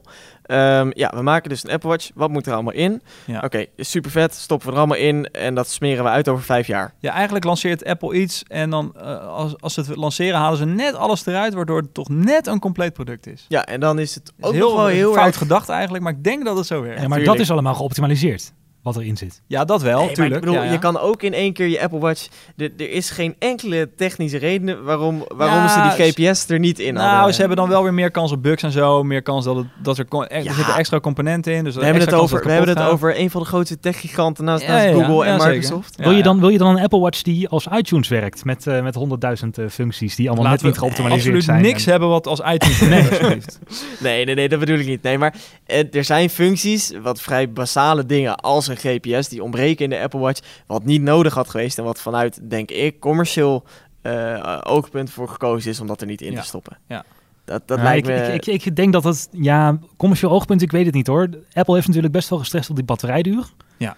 Eh, die is nu echt dik prima, maar ik denk dat het ook wel keuzes zijn geweest om bijvoorbeeld tijdens het eh, gebruiken van de workout heb je iPhone te gebruiken als GPS. maar En- wat, wat maar moet dat jou dan niet. prikkelen? Er moeten ook dingen zijn die jou gaan prikkelen van... Oh ja, maar die nieuwe Apple Watch, ja, die Ja. is echt wel veel Ja, beter nu kan dan ik mijn iPhone heb. thuis laten. Ja. Dat is dan de, de, de reden En- om het te kopen. Ja. En oh, hij heeft meer intern geheugen, dus ik Nee, kan dat straks... niet, ik, denk kan, bij wijze van- ik kan straks mijn apps die erop komen, Ja, dat is apps wel zo. natuurlijk ook steeds... er zit nu steeds- 8 gigabyte in, dus ook in de gouden zit gewoon 8 gigabyte. Ja, Ja. ja. en die mensen denken ook van, ja, er zit toch 16 gigabyte in die nieuwe. Ik koop een, een sports eh, watch. koop Ja. ja, want de rest kan ik niet meer betalen. Nee. En, eh, nee, maar dat, eh, in net iets meer, die 8 gig is natuurlijk ook een beginnetje. Hè? En dat ze die native apps niet meteen erbij hebben gedaan, is natuurlijk ook vanuit het idee van... Oh, maar dan hebben we misschien nog, dan is die 8 gig zat, want je zet er een paar foto's op en zo. Als we volgend jaar een, een catalogus, een app store hebben vol met apps... En eh, dat, je wil daar heel veel van op je Apple Watch. Als ik kijk naar mijn iPhone, eh, het maakt niet uit hoe groot je je iPhone koopt. Nou, misschien bij, bij 6428. Bij 64 krijg je hem net niet vol. Maar je gaat altijd wel op zoek naar hoeveel kan erop. En wat je niet gebruikt, laat je er dan wel op staan. Omdat er toch op blijft staan. Hè? En dan is het toch wel fijner als je dan, eh, die achter zit vol. Nou, ik wil er ook wel muziekjes op. Want ik kan hè, met die GPS kan ik ook weer kan ik gaan rennen. En dan kan ik mijn iPhone ook thuis laten met sporten. super handig. Maar dan wil ik wel al mijn muziek mee. Dus dan zet ik dat er dan weer op. Dan heb ik weer meer intern geheugen nodig. Ja. En zo is het natuurlijk steeds, moet je geprikkeld worden om een nieuwe Apple Watch te kopen. Ja. Zag je me net op de Apple Watch kijken? Ja, Ja, jij dacht natuurlijk, ja, kijk gewoon naar de tijd. Maar ik kreeg een sms'je en ik heb hem nu al gelezen. En ik, ik ga gewoon weer door met het gesprek. dat is heel iets anders dan dat ik mijn iPhone uit mijn zak moest halen. Dat zou ik niet doen tijdens de podcast. Maar nu heb ik gewoon even, oh, je krijgt een sms'je Ja, van dus Park je hebt- Mobile. Je bent al een uur aan het parkeren. En oké, weet ik dat, klaar. ja. Ja. En ik denk inderdaad dat een van de toekomstige functies van de Apple Watch gewoon meer gemak is. Dat Ik- de integratie van apparaten om je heen. Ja, Ik denk dat we daar, dat we daar moeten gaan zoeken. wat ik echt wil, en dat is echt de toekomst. Dan denk ik echt, ik loop nu gewoon in 2020, is een cameraatje erin. Dat je gewoon FaceTime facetimen om je pols. Dat zou toch fantastisch zijn? Ja, Nou, het gerucht gaat dat in de Apple Watch in je 2 Apple komt. Watch? Ja, Het ja gerucht dat gaat. gaat zeker. Ja. Ik weet niet of het al gelijk in de tweede komt. Nee, ik hoop ja. het wel. Maar dat je kan facetimen vanaf je Ja, je kan facetimen zo. Je Ja. neemt gewoon even je telefoon op. Het gaat ook niet om een uur lang facetime. Het gaat even om een minuutje iemand spreken. En dat gaat met audio op je pols toch wat anders. Ja, want jij met de laatste tijd gebeld met je Apple Watch, Ja, toch? jij belde en toen was ik op de bank tv aan het kijken en toen lag mijn iPhone op te laden en toen antwoordde ik vanaf mijn Maar pols. vanmiddag toch? Toen antwoordde je toch ook vanaf je pols? Nee, maar Oh. eerder wel. Ik heb dat Ja. één keer per ongeluk gedaan in de auto. Toen, toen ging mijn eh, iPhone af en eh, om mijn pols ging die af. Toen dacht ik, oh, ik neem hem op. Maar ik zat met oordopjes. Ik, oordopjes had ik in mijn oor. Dus ik dacht, hij snapt het. Weet je, Nee, hij snapt dat door. ik- ja, maar dat snapte die iPhone niet. Dat ik dus Nee. opnam op mijn pols, maar dat ik oordopjes in had. Dus dat ik gewoon via mijn oordopjes wil bellen. En toen moest ik ineens, zo stond ik eh, voor het verkeerslicht, verkeerslicht groen, mijn vrouw aan de telefoon, Oh. om mijn pols. Ik, ah ja, en ik, ik hoorde half. Dus oké, ik bel je zo terug. Dat was wel een beetje awkward. Dus dat werkt nog niet helemaal lekker. Terwijl als het, Het met- klinkt ook slecht. Ja. Het klinkt ook echt alsof je met een, met een zeg maar, als je muziek op een Bluetooth speaker af, afspeelt en je staat net buiten de range, Ja, klopt. dat hij dan gewoon ineens... af- Ja, ik had, ik had moeite om het te verstaan. Dat was Maar heel dus raar. ik, ik denk ook dat ze het nog technisch misschien nog niet in orde hebben. Want er zit een latency natuurlijk tussen je, tussen je iPhone en je Apple Watch. Hoe gaan ze dat oplossen met videobellen? Dat lijkt me wel interessant. Ja, goede vraag. Dan moet het echt centraal vanaf de Apple Watch komen en dan moet het niet meer naar je iPhone gebeamd worden. Ja, maar dat moet voor de verbinding. Want de verbinding komt van je eh, iPhone. Je Als er een 4G. dedicated wifi-chip in zit. Ja, dat hij het via de wifi gelijk naar je iPhone, dat is natuurlijk best wel snel. Ja, want hij kan nu ook functies over wifi oppakken. Als je, hè, als je buitenshuis of binnenshuis op het wifi-netwerk zit, dan werkt de helft ook gewoon over wifi in plaats van Bluetooth. Klopt. Ja, ik kan dat- gewoon mijn telefoon beneden Ja. laten liggen en dan boven, dan werkt de Ja, dus ik, eh, ik vermoed ja. dat dat gewoon in eerste instantie dan de wifi zal zijn die dat, eh, die dat gaat overnemen. Ja, en wat ik ook dus nog jammer vind aan de Apple Watch, is dat best wel dingen traag gaan. Je voelt gewoon, Ja. je, je hebt nog te te maken met een opstarten van een app. Dat, dat, dat, Ja. dat Kennen is gewoon niet meer van deze tijd. Nee. Ja, de verbinding moet opwarmen, lijkt het wel. Als je helemaal in de app bezig bent, dan gaat Ja. het wel. Maar dan heeft hij iets gecached of Hij zo. moet even wat downloaden. Ja. Nou ja, maar dat is natuurlijk allemaal opgelost eh, met de Apple Watch 2. Ja, WatchOS 2. Dan, eh, Dan dan, dan is die ook weer iets sneller en dan de volgende is Niet natuurlijk weer wat alles sneller. gaat dan natuurlijk eh, native op de, te- op de ja, dat weet ik niet. Nee, daar kan je voor kiezen als developer. Ja? Ja. En wat zou dan het voordeel zijn om te kiezen van ik doe het native of ik dat, doe je het geen juist niet geheugen, native? dat je geen geheugen op de eh, Apple Watch, want er zit maar 8 gig op. Ja, maar jij wilt toch als ontwikkelaar, wil jij toch de beste Ja. eh, experience voor je... Maar als daardoor niemand je app installeert, omdat jij zo'n niet belangrijke app bent, dat, eh, dat Ja, er geen plekje is voor je op de Apple Watch. Ja. Ja. Ja. en er zijn ook apps die hebben dat eigenlijk niet nodig. Want dat zijn gewoon ja, controls die zeggen spoel vooruit, eh, toon deze lijst met informatie. En ja, dat kan volgens mij prima nog over Bluetooth. Ja. En gebruik jij überhaupt apps op Nee, je dat was het niet. volgende onderwerp wat ik aan wilde snijden. We hebben, het, we, helemaal we hebben het over die apps, maar Ja. who cares? Ik gebruik de noca- notificatie heel veel en de glances gebruik ik minder dan notificatie, maar gebruik ik ook af en toe. Ik heb bijvoorbeeld nu een, een app van de ABN, dan kan ik gewoon de, de, de, mijn saldo van mijn rekening zien. Oh, don't Eh, get me started, Rabobank klant. Ja, Oh. ik ook. Ja, ik heb een gezamenlijke rekening, heb ik dan ABN en de rest heb ik zo op Rabobank. Dus ik heb alleen maar ja. de, van de Ik zit gezamenlijke bij rekening. ING, dus ik krijg al die Ja, dingen als alles. eerste. Ja. Ja. Maar goed, de gezamenlijke rekening is wel het belangrijkste, want daar doen we boodschappen van. Dus dan sta ik niet eh, helemaal eh, voor lul in de, Ja. in de supermarkt. Maar en ik heb eh, mijn, ehm ehm mijn eh, kalender eh, glance heb ik erin zitten. Maar Ja. meer gebruik ik eigenlijk ook niet. Ja, maar daar wilde ik ook nog even op terugkomen. Jij hebt meer, waarschijnlijk meer zakelijke afspraken. Nee, ik zit de hele dag op, op hetzelfde kantoor. Valt En ik, mee. en ik heb eigenlijk... De kalender-app is voor mij nog eigenlijk niet echt nuttig geweest of zo. Nee, ja, ik gebruik hem echt als ik echt niet meer weet wat... eh, ik, zoveel afspraken heb ik ook niet. Dus dat, ik, ik zit gewoon vaak bij een bedrijf eh, van half negen tot vijf. En dan wat er gebeurt, dan gebeurt daar gewoon. Hoef ik verder niet heel veel in mijn agenda te kijken. Ja. Als, als ik bij een meeting betrokken word, nou, dan, dan ga- loop ik die meeting. Dat zie ik dan wel als ik, eh, als ik belangrijk ben. Dan, worden, dan roepen ze me wel. Dus ehm, ja, zo, zo werkt mijn agenda. Ehm, dus, eh, maar ja, ik, ja, in het weekend heb ik wel eens eh, dat ik denk van... Oh ja, vanmiddag eh, gaan we dit en dat doen. En dan Ah, ja. zie ik dat op mijn Apple Watch. Nou, dus het grootste pluspunt, Renier, van de Apple Watch? zijn notificaties die gewoon veel minder inbreuk maken op je eigen leven. Klinkt zwaar, hè? Ja, dat is maar het is, als je het eenmaal hebt gevoeld, dan wil je niet meer naar je eh, de notificaties van je iPhone. Ja, Oké. En een grootste gemis van de Apple Watch? ja die camera. Die camera. Ja, ja, man, de ja, FaceTime-camera. Ja, ja. Oké. ja, nee, en eh, wat ik ook, eh, wat voor een klok gebruik jij? Laat Eh, jouw klokken zien. De Mickey Mouse. Ja, dat is echt wa- waardeloos. ik kan er geen tijd op afleven. Nee, ik heb echt een minimale watchface. Oh, dus ja. echt alleen maar eh, eh, de cijfers en wel wat streepjes heb ik er uiteindelijk toch weer bij getoverd. Oh ja, En eh, ik heb heel veel gespeeld met die... eh, eh, Complications. Complication, inderdaad. Ja, heel dat zijn, dat zijn die dingetjes in de De hoekjes, widgets op je wijze plaats. Ja, en ze heten complications omdat De dat in de widgets. horlogewereld ook complications heet. Ja. Dus dat, eh, dat snapte ik. Maar dat, zo is dat. En ik heb dus alleen maar de, de datum van vandaag. Dus de, nu is het een 4. toch? Oké, Dat is het enige wat ik dus op je enige complication op je Ja, op ik heb het maandje geprobeerd, de zonopkomsten, ondergang. Ja, allemaal eh, onzin. Ja, eh, kijk Mijn, eh, mijn drie zijn de, de agenda. Ironisch genoeg staat er dus bijna nooit iets in. Nee, mijn- zou ik weghalen, jong? Mijn fitnessringen en eh, de zonsopgang en zonsondergang heb ik vervangen door de datum. Want het was toch fijn om de datum Ja. te zien. En Maar ik heb ook de, de, natuurlijk de batterijpercentage erin gehad, maar heb ik ook niet nee. nodig, want het ja, gaat gewoon eh, eh, makkelijk een dag mee. Ik heb eh, een analoge wijzerplaat en dan er staat ook de datum op. Ehm, ja. Ja, joh. zeker. Dat is een, een rondje. Vind ik magisch dat je dan toch de datum goed en dat hij weet dat je in een 31 dagen maand Ja, zit of 30 dus- of, of En blijft, blijft hij 28. ook gelijk lopen ja, dan? Ja, ook nog. Ja, Nou, ja. en hoe er zit- weet hij het ding dat? En die accu, die hoef je gewoon niet op te laden. Na een paar jaar ga je naar zo'n, eh, ja, juwelier heet dat dan. Oh, dat is ja. zeg maar een soort van Apple Store, maar dan eh, voor analoge horloges. En dan eh, ga je daarheen en dan zet zij er een nieuwe accu in. En dat kun je dus nooit bijna nergens meer laten doen, hè? Dat verdwijnt helemaal. Nou, gewoon bij elke juwelier op de hoek kun jij... Maar hoe krijg je dan een software update? Dat hoeft niet. Oh, dat nou, niet. je kan, je kan het zelf even wat tweaken. Er zit een knopje aan de zijkant. Ja. En dan kun je je wijzers... eh, Je kunt Kun je je eigen code erin zetten. Vet, man. ja, ja, ja. je kunt nee, het dus dat eigenlijk is, eh, jailbreken. Ja, ja, nou ja, zoiets. Ja, je kan dat helemaal. ehm, het, geeft ook wel, eh, ja, dat is heel fijn. Maar goed, ehm, oké. nou, volgens mij heb ik hem vorige week al aan jou gevraagd. Maar eh Raymond, het grootste voordeel van de Apple Watch? Fitness app. Fitness app. En het grootste gemis? Eh, Apple Pay. Apple Pay. Ik blijf bij mijn antwoorden. Ja, ik Ja. zou het wel fijn vinden als Apple Pay hier in Nederland komt. Ja. Ja. Inchecken Ik wil, en eh, uitchecken met het OV. Ik ga ik. dagelijks naar de, met, de, iPhone. met de metro en de tram naar mijn werk. En ik loop altijd als ik aankom. Ook first world problems dit hoor. Maar goed. Ja, natuurlijk. Ik zou toch het, het- de hele Apple Watch is een first Ja. world oplossing voor first world. Maar het zou toch fijn zijn als je over chipkaarten lekker opstond. En ja. Hey, en eh, televisie kijken op je Apple Watch? Derde onderwerp, Ja. voel ik aankomen. ja, er zit geen YouTube op. Alle tieners en, en kinderen zijn in paniek, want de Apple Watch heeft geen YouTube. Ja. Nee, ik maak inderdaad een bruggetje. Want ehm eh, Reinier, jij droeg het onderwerp, of jij hebt het onderwerp aangedragen. eh, televisie in de huidige samenleving. Klinkt wel Klinkt mooi, heel zwaar. Ja, Televisie televisie. Ja, inhouden. want ja, ja, nou ja ik, eh, ik kom dus eh, begin jaren 80. Jullie zijn wat jonger, schat ik zo in.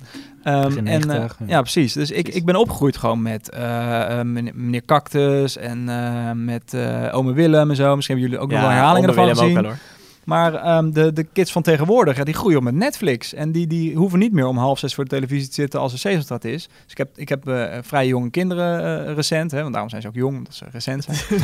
en eh, dus ik, ik, ik merk dat nu. Kinderen. Ja, de oudste is twee. En ik merk dat nu dus hoe dat gaat met televisie kijken. En ik, ik hou natuurlijk ook in de gaten wat tieners doen en zo. Die kijken heel veel naar YouTube. Die kijken ook geen televisie meer. Nee, nee. Dus dat, dat vind ik best wel een interessante ontwikkeling.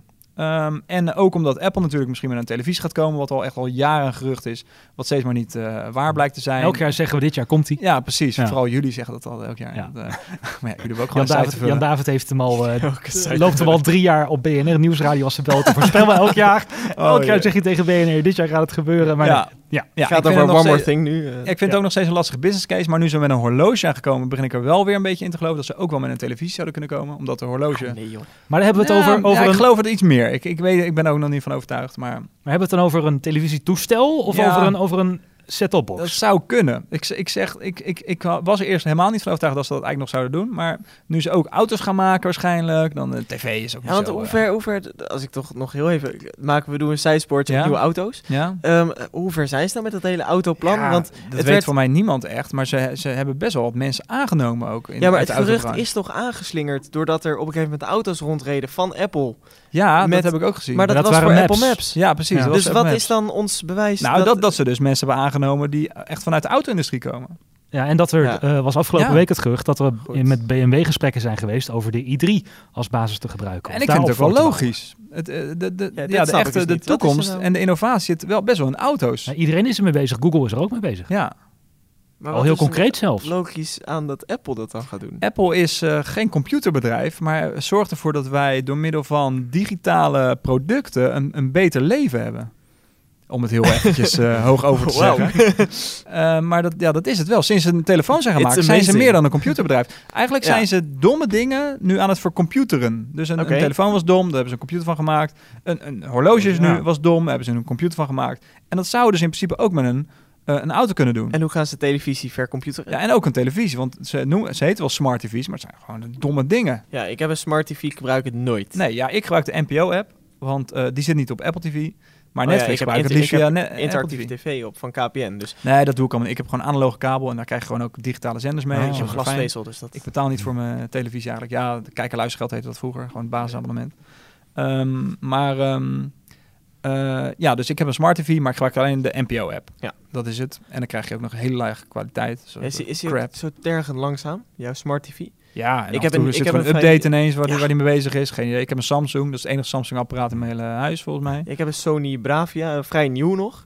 Maar dat ding is echt langzaam. Dan word je echt Ja. eh, Ik niet ben goed blij van. dat mijn Sony nog uit de pre-smart TV eh, tijdperk Nou stamt. ja, je hoeft het niet te gebruiken. maar- Nee, dus wel genoeg HDMI en, en, en gewoon alle moderne dingen, maar geen Android erop of geen, geen OSje, geen Ja. mini, mini systeempje. Ja. En gewoon Apple TV aan de, aan de HDMI. Ja, want gaan ze die Apple TV dan... eh, dus die wordt, dat wordt dan een, een tv met een scherm. Nee joh, Niet? nee, daar valt geen marge op te maken. Eh, Ja, dat Apple is natuurlijk ze. wel een... Maar aan de andere Ja. kant, eh, ja, op, op horloges, als je die voor 150 euro verkoopt, valt er ook geen marge op te maken. Maar ja, ze zetten ze gewoon in de markt voor. De, de, zeg maar, de Ja. baseline is eigenlijk de 800, 900 euro. Want dit noemen ze dan de sport. Dat klinkt alweer cheaper dan, eh, Ja. dan de normale Apple Watch. Ja. Dus ze verdienen er goudgeld mee met ook iets wat gewoon maar, ja, wat is het, 200 euro productiekosten heeft.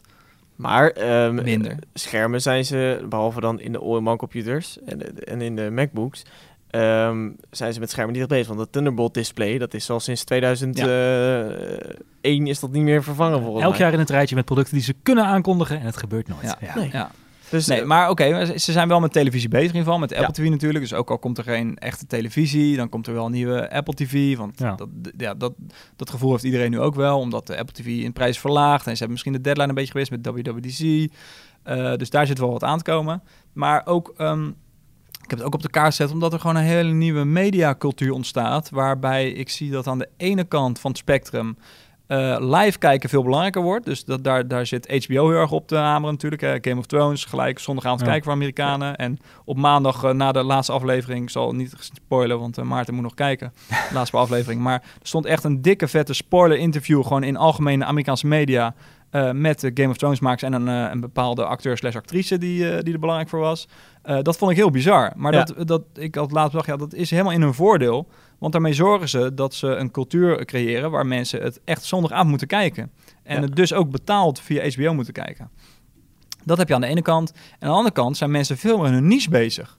Veel- Dus er worden heel veel naar games gekeken op eh, YouTube, naar vloggers. Eh, nou ja, iedereen kent Wat wel. wij hier doen. Ja. ja. en, en ook naar podcasts aan het luisteren. I- Iedereen zit een beetje in zijn eigen niche. En dat, is, dat is helemaal anders dan tien jaar geleden. Tien hoe jaar geleden had je gewoon eh, de VARA en de BNN en daar keken Hmm. mensen naar. En hoe moeten die daar dan op in, inspelen? Ik bedoel, je doet, en dan ligt denk ik vooral eh, de bal bij, eh, bij de kabels, KPN, Ziggo. En KPN heeft net een nieuwe app, KPN Play heet dat volgens mij. Ja. En eh, daarmee kun je dus overal, als volgens mij, ik kan dat ook, ik heb alleen de app nog niet. Ehm, als jij klant bent bij KPN en je hebt eh, interactieve tv, dan kun je overal, eh, of ik nou in de trein zit of, of ergens anders Ja, in Nederland kun ben, je kan ik televisie kijken. Ja, maar dat is door babyboomers bedacht. Dat is gewoon dat voor, de, oude... voor de oude Ja. generatie, voor kanalen inderdaad. En, en dus niet- mensen zitten niet meer naar de kanaal. Mensen Nee. hebben al de televisie die ze willen op hun mobiele apparaat. Dat is YouTube. Maar toch kijk ik op zondagavond wel naar zomergasten. Ja, maar dat is dus weer zo'n zo'n zo'n live beleving waar je bij moet zijn, omdat iedereen het op Twitter erover heeft. Maar kunnen ze die live beleving dan redden? Ja, inderdaad, ik kijk er altijd Twitter bij. K- kunnen ze die live beleving dan op deze manier doorzetten? Hè? Dat, dat zetten ze op deze manier door als je onderweg bent. Ja. Ehm, Ja, voor dat soort dingen is het belangrijk. Dus de, de, de echte live-live dingen, waar live belangrijk voor is, dat zijn zeg maar de grote e- events waar mensen massaal naar kijken. en de rest moet allemaal on dus er is op een gegeven moment geen midden meer, inderdaad. Er is geen, geen eh, programma's dus alle- op televisie die 400.000 kijkers trekken, die zijn ten dode opgeschreven. Dus alle lachen om home video's, alle tv-makelaars, het alle... ja, maar dat zie je ja. al aan SBS. Met SBS gaat het gewoon niet goed en daar kijken gewoon te weinig mensen naar. ja, dus jij zegt ook dat de tv een soort van premium markt krijgt. Die wel steeds meer, die zich wel zal ontwikkelen naar live. En waar mensen eventueel Ja. voor gaan betalen. En de rest is eigenlijk ja, gemaakt door eh, enthousiastelingen of amateurs. En on-demand. zit veel meer in een niche inderdaad. Er zijn genoeg eh, jonge mensen die gewoon een hele avond naar ehm, eh, Minecraft-video's zitten te kijken. Ja. En die hebben, komen niet de volgende dag op school en dat alle hun vriendjes daarna hebben zitten kijken. Niet per se. Die hebben weer naar een, een Hearthstone-video zitten kijken de hele avond. Of Ja. eh, die hebben een Enzo Knol zitten kijken. Ehm, Toch ehm, eh, zijn in Nederland in ieder geval projecten voor on-demand televisie dan. Eh, dus dat is inderdaad dat is niet, niet waar jij net op doelt. Maar als we nog heel veel televisie, de, de camera's blijven ook, ehm, eh, is dat niet echt succes geweest. NPO krijgt zijn websites niet, niet lekker voor elkaar. Eh, die, die willen al, eh, ik weet niet hoe lang, van hun duizend websites af. Ja. En dat gaat niet echt lekker. Nou ja, ze hebben nu NPO.nl. Ze hebben hebben best wel veel in zitten. Nederland 1, 2 en 3. eh eh, Uitzending gemist is alleen... Week toevallig, want ik heb hem ontworpen. Maar, dat is. Eh, maar dat is oude content herpakken op, Ja, een, op een digitaal manier. Nou ja, de, wat de NPO wel probeert, is dat naar zich toe te trekken. En daar is best wel veel eh, tegenstand uit vanuit de omroepen. Maar ik snap het wel, omdat ehm, net als een YouTube, eh, YouTube eh, blijft groot, omdat je daar een verzameling kan vinden. En eh, ook al kijken ehm, eh, honderdduizend mensen niet naar hetzelfde, ze kijken wel honderdduizend naar honderdduizend verschillende video's. Dus je hebt toch die honderdduizend kijkers. En dat probeert de. NPO ook. Die probeert te zorgen dat de, die, die 400.000 kijkers die één programma trekt, dat het ook op hun eh, platform is. Maar lukt dat ze? Of mag je daar niks over zeggen? Nou ja, nee, ik zit er al een tijdje niet meer. En ik weet ook niet of ze dat lukt. Ik ben, ik ben niet bekend met die cijfers. Maar dat is een beetje wel de, de filosofie erachter volgens mij. Meer naar het BBC-model. Dus het BBC is één merk in, eh, of in, in Groot-Brittannië. Dat daar ken je ook niet alle omroepen of alle productiehuizen die, die programma's maken. Terwijl die er wel achter zitten. Ehm, dus dat is een beetje de filosofie achter die NPO-move. Maar is, is, komt daar eigenlijk niet hetzelfde op neer dat de, het, de premium programma's van de NPO, dus echt de entertaining programma's zoals Boer zoekt vrouw, is wel een flagship show van de Ja. NPO, dat die het ook online goed doen. ja, maar dat dat, is dus niet van de NPO. Dat is van de Caro. Ja. Ja, Dat is een beetje het probleem. Ja. En, en, en, ik, en, en ik weet ook niet of de NPO daarmee de goede filosofie heeft. Van eh, wij gaan eh, alles, eh, alles maar verzamelen. Want ik, ik denk dat het veel beter is dat de KRO gewoon mag beslissen. Dat het en op npo.nl te zien is, maar ook op YouTube. En dat mag nu niet. Nee, Dat is nee nu maar goed, dat, verboden. dat, is ook, dat is ook wat ik bedoel met dat, eh, dat de NPO ook graag alles wil, eh, centraal wil hebben op, op de website, met Ja. uitzending gemist en Ja, zo. Dat ja. maakt dat NPO het merk wordt, waardoor de verwarring die Raymond Ja, nu heeft zeker. al ontstaat. Want met die Ja. losse websites, daarom zijn ze er volgens mij ook, ehm, dan kom je inderdaad op, op de BNN, op eh, de KRO, op de VPRO, Ja. op de, Hu- de Human. Ja, maar dat is dus juist wel een sterk punt voor de programma's die niet per se live eh, bekeken hoeven te worden. Dus de, de niche-programma's, die, die zijn juist heel erg... eh, daarvoor is het heel erg goed dat ze op alle platformen waar mogelijk te zien zijn. Dus Ja. ook via Facebook-video, waar heel veel ophef nu over is. Maar ook op YouTube en op een eigen website en via npo.nl. En dus waar moet dan de eerste verandering komen? En is die misschien al gaande? Eh, welke verandering eh, en, en voor wie, Omdat- voor wie een verandering? Om, nou goed, voor, voor, dan, voor dan de omroepen.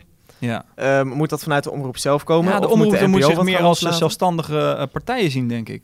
Ze, ze zijn nu heel erg afhankelijk van NPO. Ja. En NPO ziet juist dat dat misschien over vijf jaar niet meer hoeft. Ze hoeven niet meer afhankelijk te zijn van NPO, want ze zijn hun eigen... eh, Ze kunnen zelf uitzenden via YouTube of via een eigen eh, Dus techniek. moeten eigenlijk meer naar de Enzo Knols kijken eh, van, Ja. van, eh, van onze En dat willen de omroepen denk ik ook wel. Maar, wil, wil de burger dat nog? Want hè, bij omroep denkt toch altijd een beetje aan verzuiling. En, Ja, hè, maar je kunt ook aan niches denken bij omroepen natuurlijk. ja. Maar bij denk, ik omroepen denk denk de je vooral niet uitmaakt. Gekleurde berichtgeving denk je bij omroepen meestal aan. Ja, Wat je- wat je maar moet Enzo Knol is, is, is eh, totaal niet gekleurd natuurlijk. Die, eh, die eh, heeft helemaal geen mening ergens over volgens mij. Weet ik eigenlijk niet, want ik kijk... Ik kijk ook niet. Nee. ook niet. Ik krijg Maar- al zijn crap altijd helemaal bomvol. staat. Dit vind Ja. je misschien ook leuk, Enzo Knol. Ja. Nou ja. Nee, maar ik denk juist dat eh, gekleurdheid is juist iets wat in, de- in deze tijd leeft. Omdat je Ja. naar eh, persoonlijkheden kijkt. Hm. Dat zie je juist aan die vloggers, denk ik. En er zijn er, eh, weet ik veel, heel veel. Precies, maar dus Maar de mensen identiteit kijken van die omroep is steeds belangrijker dan. Nou, ja, en maar dan vooral de mensen die er werken die voor de camera verschijnen. Ja, denk je dat? Ik bedoel, Ja. dat, dat werd met... eh, Daarom zijn vloggers zo populair. Omdat dat eh, specifieke personen zijn waar mensen naar kijken. Ja. ja, misschien vergelijk ik dan... eh, is de vergelijking die ik nu ga maken niet goed. Maar als je kijkt naar de geschreven media... ehm, eh, de- in de kranten... Ja. dan zijn het nog steeds wel de merken die eigenlijk voorop staan. Maar misschien doe ik nu appels met peren. Ha, Ja, vergelijking. nee. Oh. Ehm, want als je kijkt naar bijvoorbeeld de correspondent. Eh, de crowdfunding was heel erg succesvol. Maar nu moeten ze toch heel veel acties gaan, gaan, Ja. gaan inzetten om nog wat leden Ja, te ik, krijgen. ben, ik ben lid van de correspondent, maar ik, ik lees het niet. Nee, Nee, maar ik vind het wel goed dat het bestaat. ja, daarom ben ik nog het het tweede jaar lid geworden. oké. Eh, maar ik weet niet waarom dat is. Ik vind hun website ook niet zo heel erg eh, lekker. Ik, ik vind het niet lekker lezen, niet lekker browsen. Nee. Als ze nou eens gewoon een API zouden lanceren, dan zou ik er best wel wat leuks voor maar willen ook maken. Blendel zoeken we nog steeds artikelen op kranten. Niet op... Eh, niet, niet, per se. Nee, als ik eh, via Twitter eh, linkjes, een kop lees en er staat Ja? dan een linkje bij naar Blendel, dan klik ik erop en dan weet ik nog niet welke krant het is. Nee, oké. Maar zoek jij... Er zijn geen correspondenten of zo die jij echt Die ik volg. Nee, dat is inderdaad anders bij de geschreven media, Ja. denk ik. Ja. Terwijl ik wel eh, ehm, eh, Hearthstone-video's... eh, moet ik uitleggen wat Hearthstone is? Nee, het is een kaartspelletje, Ja, toch? kaars, Ja, een digitaal kaartspelletje. Lijkt heel erg een Magic the Gathering. Ja, Vroeger leuk. populair voordat Mhm. jullie geboren waren. En ehm, eh, daar, kijk, daar volg ik wel mensen. voor eh, onze generatie ongeveer. Maar daar kijk, volg ik wel mensen. Eh, Ja, en als ik dan af was, zet ik zo'n videootje op. Want ik weet gewoon, die persoon die speelt, eh, die speelt be- bepaalde eh, ehm, eh, karakters. En die, eh, die praat gewoon leuk bij zijn videootje. Dus die Ja. volg ik. Maar dat heeft dan verder niks met een, een echte kleur te maken of met politiek of met weet ik Nee, wat. nee, nee. Oké. En wie Ja. gaat er dan wat aan verdienen aan het nieuwe model? Ja, dat vind ik ook nog wel een beetje. Ja, Ja. YouTube vooral. Google. Ja. Google eh, verdient er heel veel aan. Google wordt de nieuwe kabelmaatschappij. Ja. Maar de kabelmaatschappijen die gaan ook hun eh, eh, comfortabele positie niet zomaar opgeven. Nee, en wat ik ook heel interessant vind, is dat eh, eh, iedereen zegt uit het internet eh, knipt de middelman ertussenuit. Maar ondertussen zitten we met de, de grootste middelman die we ooit hebben gehad. En dat is Google, dat is YouTube. Ja. Ja. YouTube is één grote middelman. Ja, en toch ja, blijkt ja. dat te werken. Ehm, en, ehm, maar een KPN is ook een middelman, maar geen content middelman. Dat is gewoon een, een, een, een kabelprovider. Die, die moet gewoon zorgen dat de bitjes gewoon eh, goed door de pijp heen lopen. En Ja, dat, KPN, is, KPN is de boer en ehm, YouTube is de supermarkt of zo. Nee, KPN is de, de vrachtwagenmaatschappij. De boer is de content provider en de supermarkt is YouTube. Ja. En dan toch zit er toch een, een, een vrachtwagenmaatschappij tussen.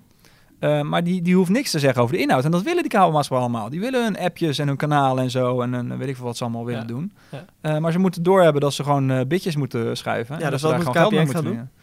Nou, weet ik niet. Die hebben gewoon een probleem dat ze heel veel mensen aan het werk moeten houden, denk ik. ja. Daarom ze- proberen ze allerlei verdienmodellen te Ja, ze proberen het nu wel met die Play-app waar ook eigen series in zitten. En eh, eh, Ziggo is geloof ik ook bezig met een wat meer zich te richten op het aanbieden van exclusieve content die dan alleen bij Ziggo te kijken is. Ja. En daar een waarde een beetje mee proberen vast te houden. Maar uiteindelijk zien wij ze als consumenten gewoon graag als domme pijp die elke maand een factuur sturen en Ja. gewoon hun, Ja. hun werk doen met het verschuiven van de bits. Ja, als, eh, als gewoon eh, hoofden met ogen die eh, alleen maar naar reclame zitten te kijken. Oké, hoe, hoe kijk jij eigenlijk televisie, Renier? Ik kijk niet zo heel veel televisie. Als ik televisie kijk, dan gaat het vooral dus inderdaad om de live dingen. Ik vind Wie is de Mol heel leuk. En dat kijk ik dus ook echt op donderdagavond als het er is. Ja. Boerse Vrouw vind ik ook leuk. Alleen de laatste seizoenen vind ik al niet meer leuk eigenlijk. Dus dat, maar dat komt vooral door Yvonne Jaspers, die heel erg op mijn zenuwen aan het werken is de laatste tijd. En ik keek, Yvonne bij eh, deze. Ja, precies. Als je luistert, Als je Yvonne, luistert. hartstikke leuk. Eh, maar ik, ehm, ik keek tot twee jaar geleden wel de wereld erdoor, maar daar ben ik wel opgehouden mee. Ehm, omdat ik het gewoon niet meer urgent of zo vond. Nee. En ik vind het ook in, in de inhoud vind ik niet zo heel erg, eh, heel erg spannend meer. Ehm, en we, we kijken thuis best wel wat uitzendingen gemist. Dus als we gewoon eh, willen televisie kijken, gaan we gaan eerst eigenlijk naar uitzendingen gemist. Van wat is er? Hm. Wat, wat is er geweest? Wat, wat is boven komen drijven? Door, eh, of wat is dat uitgelicht in de NPO-app? Ja, en, en Netflix, NPO, Ja, of, we eh, hebben, HBO we hebben. Netflix ook wel, eh, maar dan, dan, eh, dan zitten we dan in een soort van eh, ehm, eh, dagen achter elkaar een bepaalde serie te kijken. En dan is Ja. dan ook weer even weg. Voor mij heb ik zelfs al een keer een maand helemaal geen Netflix gekeken. Nou, zonde van het geld, maar dat Ja. is wel gebeurd. Ehm, en voor de rest, eh, ja, YouTube en podcast luister ik. Ja, dat is mijn mediaconsumptie een beetje. is toch wel heel veel on-demand. Zeker, ja. Welke eh podcast? Want dan eh, gaan we even radio aanstippen. Ja, Eh, want je zegt, ik luister voor podcast. Je ziet ja veel dat- niet, maar ik luister wel podcast. Ja. Hij luistert podcast. Radio is tegenwoordig, hè, we, we hebben natuurlijk we hebben een tijdje terug over gehad, DAB+, wat ze nu heel erg willen promoten. ja, waarom? Het is ook zoiets Ja, dat dat je is denkt, is Nieuwe dat nog... pijp. Ja, maar ga gewoon naar internet. Ja, maar Ja. er is inderdaad heel veel licentiegeld voor betaald waarschijnlijk of zo. Of, Ja, die frequenties worden geveld inderdaad. Ja. Ja, maar wie heeft Net, nou net iets als aan de de... telecomlicentie. Dat is dat, dat digitale radio is dat, hè? Ja. Ja, je moet er en een nieuwe radio verkopen, Ja. want je huidige radio Maar wie koopt er nog een radio? Iedereen heeft toch gewoon internetradio thuis? Iedereen Ja. heeft nu tegenwoordig gewoon een Bose of een Sonos of weet ik veel Ja. wat je hebt met gewoon een netwerk eh, of met wifi erin. Ja, voor de Connect. auto's zou het dan nog eh, iets kunnen zijn. En voor de mensen die buiten werken, bouwvakkers, die willen ook misschien een DB Plus radio. Ja, die willen gewoon eh, via de, de, de FM-band. Want wanneer luister je naar podcast? In de auto vooral. En eh, we hebben wel een afwasmachine, maar de, de pannen doen we wel met de hand. Dus ik, Ah. tijdens de afwas doen we wel. Ja, luister ik wel de Met podcast. eh, strijken zet ik het liefst wel mijn iPad eventjes eh, in de kast waar ik dan naar kijk. Ehm, dus dat zijn de momenten dat ik podcast luister eigenlijk. Oké. En Ja. welke? is altijd leuk om te weten. Ehm, ja, eh, dan moet ik hem even erbij pakken. Ik heb een twee eh, app beleid. Een twee twee podcast app app. Ja. ik heb Wat? ehm, ja, wat is dat? Nou kijk, ik heb eh, Castro heb ik. Kennen jullie die Castro? Ja. Het is een heel eh, platte app met twee lijsten, namelijk de podcast en de afleveringen uit alle Oh. podcasts bij elkaar. Het is gewoon echt een soort tijdlijn. En daarin heb ik eh 1, 2, 3, 4, 5, 6 podcasts staan. Dat zijn mijn favoriete podcasts die in uh, Castro staan. Eh, eentje is Cortex, dat is met CPG Grey en eh, Mike eh, Hurley van eh, Relay FM. De British Ja. guy. Die Incomparable, dat is mijn favoriete podcast. Oi, oi, oi, oi, wat is een leuke podcast, die ken hem Incomparable. niet. Dat is een, een panelprogramma van Jason Snell, die ken je wel, ex-Macworld. Mhm. Jason Ja. Snell, die doet best wel veel nu in de podcastwereld. Six Colors nu. Ja, precies. En ook met podcast. En hij is de Incomparable begonnen. En dat is altijd een panel. En daarin bespreken ze altijd iets uit het domein van boeken, films, comics, eh, televisieshows, dat soort dingen. Dus de laatste aflevering hadden ze ineens over een of andere comicserie. Eh heb ik niet gelezen, maar omdat de dynamiek altijd van zo'n groep, het is altijd een wisselende groep, maar toch, de Mhm. dynamiek is altijd hartstikke leuk, dus dan ga ik toch luisteren. Oké. Ehm, en ze bespreken bijvoorbeeld de Hugo Award nominees. Dat, zijn, dat is een boekenprijs. Dus daar zijn dan vijf boeken voor genomineerd. Nou, die, die, de panel leest dan allemaal en dan gaan ze het even bespreken. Vaak ook spoilervrij. Dus dan haal ik dan weer eh, eh, inspiratie uit om een boek te gaan lezen. Ze doen ook wel eens gekke dingen, zoals een, ehm, een, eh, een eh, superhelden eh, face-off, waarin ze 64 superhelden beginnen en dan eentje moet de ene verdedigen, de ander moet de ander verdedigen en dan gaat er eentje verder. Ze hebben nu Ja. 64 behandeld in vier podcasts, want het duurde allemaal heel hartstikke lang. En nu hebben ze dus 32 over, waar ze dus weer verder gaan en dan gaan ze weer eh tegen elkaar zeg maar, discussiëren over welke, wie de beste superhero is. Dus dat soort dingen. En over films ook. Over.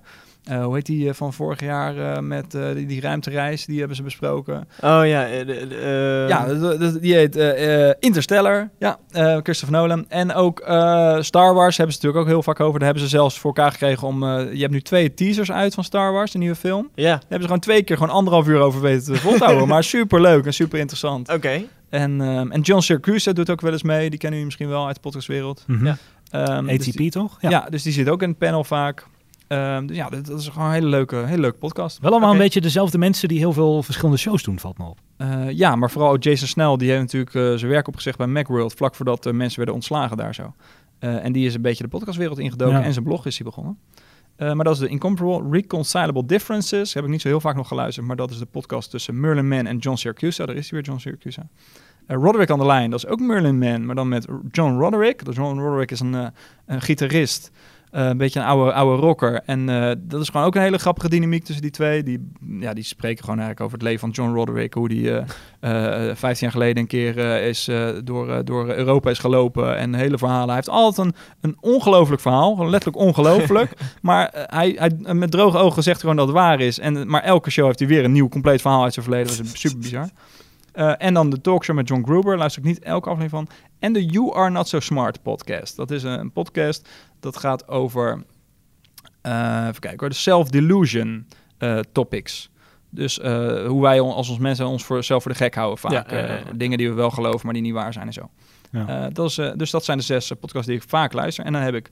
de B-app? Overcast, dat is een B-app inderdaad. Van dat is geen B-app, maar oké, okay, ja. je gebruikt het als B-app. Nou, wat ik er dus niet fijn aan vind, is dat je niet kan streamen. Dat je een podcast niet kan streamen. Oh, ja. Alles moet hij downloaden. Super eigenwijs in Marco Armen natuurlijk. En uh, ja. goed, dit vind ik super irritant.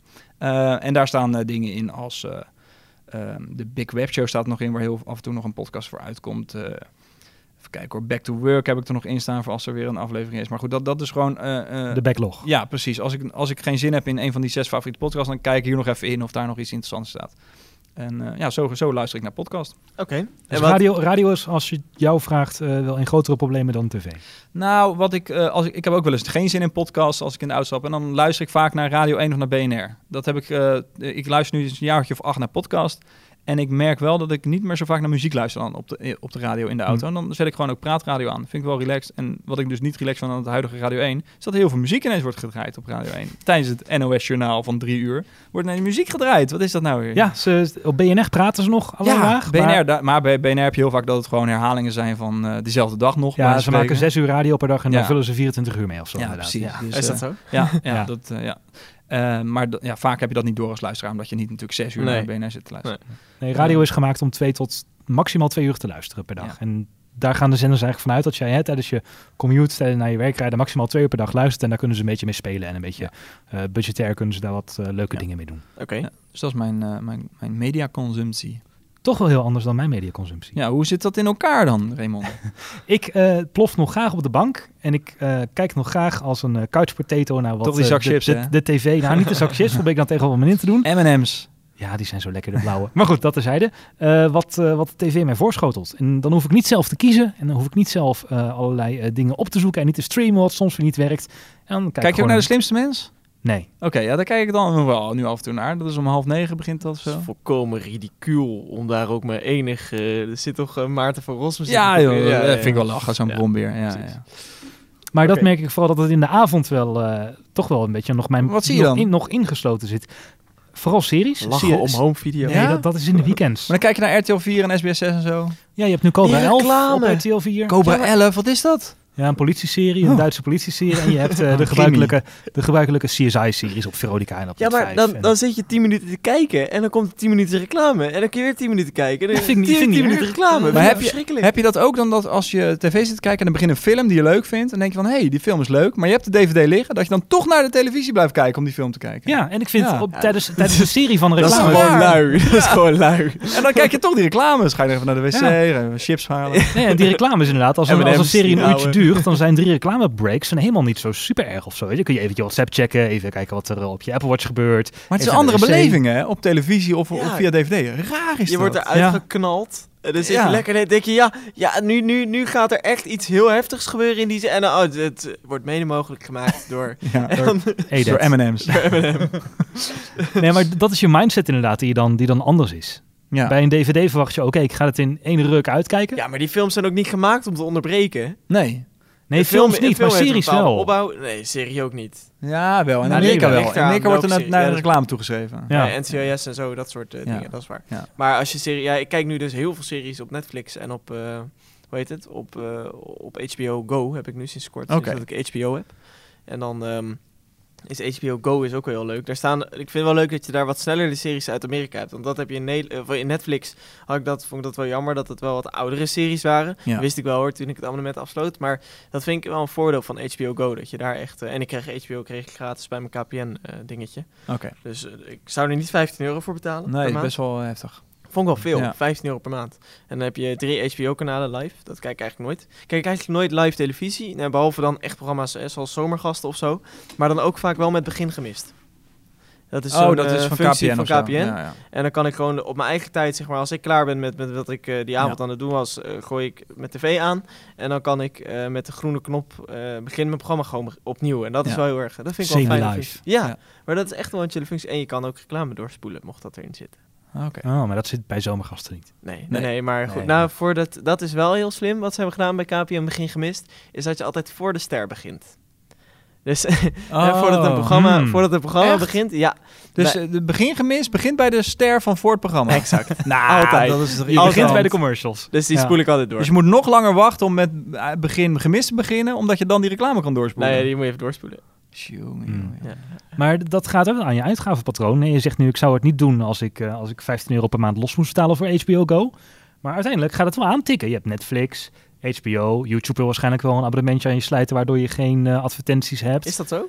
Ja, dus zo werkt Google niet natuurlijk. Nee. Nee, Microsoft werkt wel YouTube, zo. YouTube wil ik graag nog meer informatie van jou Ja, weten. oké, die wil ads tonen. ja. Maar eh, mijn punt, eh, het stapelt op. Daar een tientje per maand aan, daar een tientje per maand aan, daar een tientje per Ja, maand het aan. begint op Amerika te lijken. Ja, Ja. We, eh, we Alles betalen ons straks niet. Ja, Ja, ik heb, ons kabelabonnement. maar- ik heb, ja. ik heb een soort van, doordat ik combinatie had, ik heb en mijn mobiele telefoon bij KPN, ik wil geen reclame van KPN houden, maar ook mijn, mijn televisie en alles vast bij KPN, eh, kreeg ik allemaal extra's. Dus ik heb mijn Spotify gratis en ik heb mijn HBO gratis. Dan hebben we ook wel een enorm duur abonnement, want we delen het met z'n vijven, dus eh, als, als zijnde zeg maar een gezin. En dan kun je die kosten splitten met z'n allen, dat scheelt Ja. weer. Is dat dat in dan- een huis met huisgenoten. Is dat dan misschien de toekomst? Dat je jouw provider, jouw domme pijp, jou ook allerlei additionele diensten onder één Ja, paraplu dat gaat willen ze. aanbieden? Dat Ja. willen ze. Ja. maar ze heb ik doen dat nodig? Ik heb KPN niet nodig voor Netflix. Nee. Of voor Spotify. Nee, ze tenzij, voor internet. tenzij ze voordeeltjes bieden. Dus dat het Ja. goedkoper is. Of wat uh, High in de hele tijd gedaan heeft, heb ik ook wel van geprofiteerd. Ja. Dat ik geen eh MB'tjes, eh ik ging niet van mijn MB's af als ik Spotify Maar streamde. moet je dan wel je KPN-account of zo gebruiken om in te loggen? Nee, nee, nee. Dan moet je via High moet je Spotify afsluiten. En dan krijg je een code om het te activeren in Spotify Premium. Oké, Spotify dan- werkt actief samen met dat soort eh, Ja. partijen Ja, om ja, dat ja, eh, ja. te ondersteunen. Oké. Ja, en HBO gaat natuurlijk niet anders. Eh, Dat gaat alleen maar via, je voor je via Nog wel, maar in Amerika gaat het al los natuurlijk. Ja, dus dat ontbundelen. willen we, Ja. tenminste, dat gebeurt in Op de Apple Nederland TV misschien komt ook dat al. nu, hè? Ja. Go. Ja. Ja. aan de ene kant zie je heel erg dat ontbundelen hè, en naar de Apple TV en naar, eh, naar allerlei losse platforms. En het Airplay bijvoorbeeld vanaf je iPad, waardoor je niet echt een kabelabonnement of een tv-abonnement nodig hebt. Maar aan de andere kant willen die providers ook zorgen dat jij klant bij hen blijft. Ja. En zijn die voordeeltjes toch wel heel aantrekkelijk. Dus ik denk dat we tussen een soort van ja, tussen twee krachten in zitten. Ja. En ik vraag me ook af, heel veel providers geven nu tv gratis weg als je internet neemt. Ehm, hoeveel voordeliger het eigenlijk is om zo'n eh, abonnementenbundel los samen te stellen. Dus met en HBO en Netflix. En misschien komt er ooit nog een, streaming service van Apple... waar je voor een x aantal euro per maand je gebruikelijke tv-zenders kunt streamen. Verplaats je het dan niet alleen? Ja. Moeilijk, hè? Nou ja, de, eh, dat is inderdaad een lastige vraag. Nee, wat ik, wat ik wel denk is dat is het nog van deze tijd, dat is ook een vraag die je moet stellen, om voor live televisie, eh, om daar geld voor te vragen. Hè, want NPO 1, 2, 3, de publieke omroep, die kun je gewoon eh, kijken, Ja. live al. Ja. Ehm, eh, ik, ik zal, het kan- zal me niet verbazen als de commerciële straks ook gewoon live via internet te bekijken zijn, want die gooien er toch al zoveel reclame tussen. Ja. Eh, dus daar kunnen ze echt nog wel, als je daar, als je daar nog twee, blokken, twee blokjes reclame van, van, van 40 seconden bij doet, Ja. Eh, Ja, Ehm, pre-rolls. ja, toch krijgen ze ook heel veel geld van de kabelaars hoor, die eh omroepen en zo. Die RTL commerciële. en SBS, ja. Ja, maar als KPN nou een, echt een, een eh, goed portal maakt, zeg maar, voor mij om makkelijk bij mijn HBO, wat trouwens echt een, een crime is, die website, HBO Go. Dat is echt verschrikkelijk. Eh, maar als die nou een makkelijk portal maakt, zodat ik makkelijk bij de shows kan, zeg maar zoals Netflix doet met de series die ik kijk, Ja. die ik in, en dat ze daar ook in aanbevelen en zo. Als KPN dat voor mij fixt, met alles gecombineerd, dus mijn Netflix, mijn HBO Ja. en mijn live televisie. ja, maar KPN is geen softwarebedrijf. Nee, maar dan Nee. moeten ze dan maar gaan fixen. Ja, want ze willen dat allemaal wel, maar KPN, ik hoef niet, eh, kijk, Netflix biedt dan wel, KP, eh, KPN biedt dan wel Netflix goedkoper aan, maar het is niet dat ik KPN kijk. Ik kijk alsnog Netflix, dus ik ben niet zijn Netflix afhankelijk. goedkoper aan? Eh, nou ja, nee. Netflix niet, maar. HBO dan, Ja, ja, HBO ja. en Spotify. Dus Ja. en Netflix kan misschien in de toekomst zo. Maar dus ik zit niet aan KPN vast om Spotify te blijven gebruiken. Dus ik ben, Ja. KPN is niet uniek in deze wereld. Nee, maar dat zou, Spotify is wel uniek in deze wereld. Althans, ja, nou nog wel, Ja. omdat uh, Apple Music gaan we niet over hebben. Dat is Nee. Al en, drie eh, podcasts over gehad. Ehm, en, maar HBO is wel uniek en Netflix is ook uniek.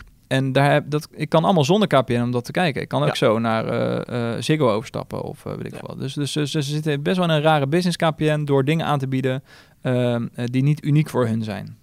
Nee, daar moeten ze dan een uniek laagje in de zin van opkortingen Ja, of zulke grapjes met MB's eh, aan Ja. koppelen. Want anders Ja. heeft, is het inderdaad gewoon eh ja precies. zonder enkele marge. Ja, Ja. Ze proberen dat nu heel erg zichzelf uniek te maken door die series.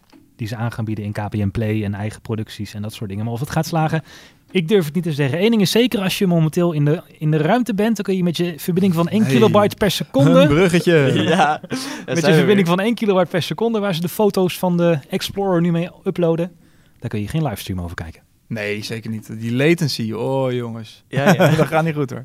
ja, daar moeten we wel rekening mee houden als het zonnestelsel gekoloniseerd wordt. Dat is het volgende Kono- onderwerp. kono- het ko- Koloniseren. koloniseren Van het zonnestelsel. van het zonnestelsel. Ja, ik denk gooi er maar onderwerpen in waar we even over, eh, breed over kunnen praten. Ja. Ehm, ja, waarom had ik dat op de agenda gezet? Omdat ik eh, dit jaar... Vorig jaar had ik een soort van fantasyjaar qua boeken. Ik heb een stuk of vijf, zes boeken toen gelezen. Allemaal fantasyboeken. En daarvoor las ik eigenlijk alleen maar eh non-fictieboeken. Eh. Voor die tijd. Vroeger las ik wel fictie. Maar dat is rond mijn twintig zoals je opgehouden. Ben ik alleen maar non-fictie gaan lezen. Ik weet niet waarom. Eh, maar toen ineens dacht ik, ja, ik, ik moet toch weer een beetje de fictie induiken. En, en, fantasy heb ik nooit echt gelezen. Al kwam ik er eh, al denkend achterlaten dat ik vroeger best wel fantasy heb gelezen. Eh, ik heb bijvoorbeeld wat boeken van Jostijn Gaarder gelezen, van De Wereld van Sophie. Ik weet niet of u dat wat zegt. Een soort van jeugdboek over filosofie. En dat gaat over een meisje wat een soort van, van een, een onbekend iemand krijgt ze brieven met filosofielessen. Maar daar gebeuren ook wat surrealistische dingen in en zo. Dus dat was is eigenlijk een soort fantasy. Een soort urban fantasy.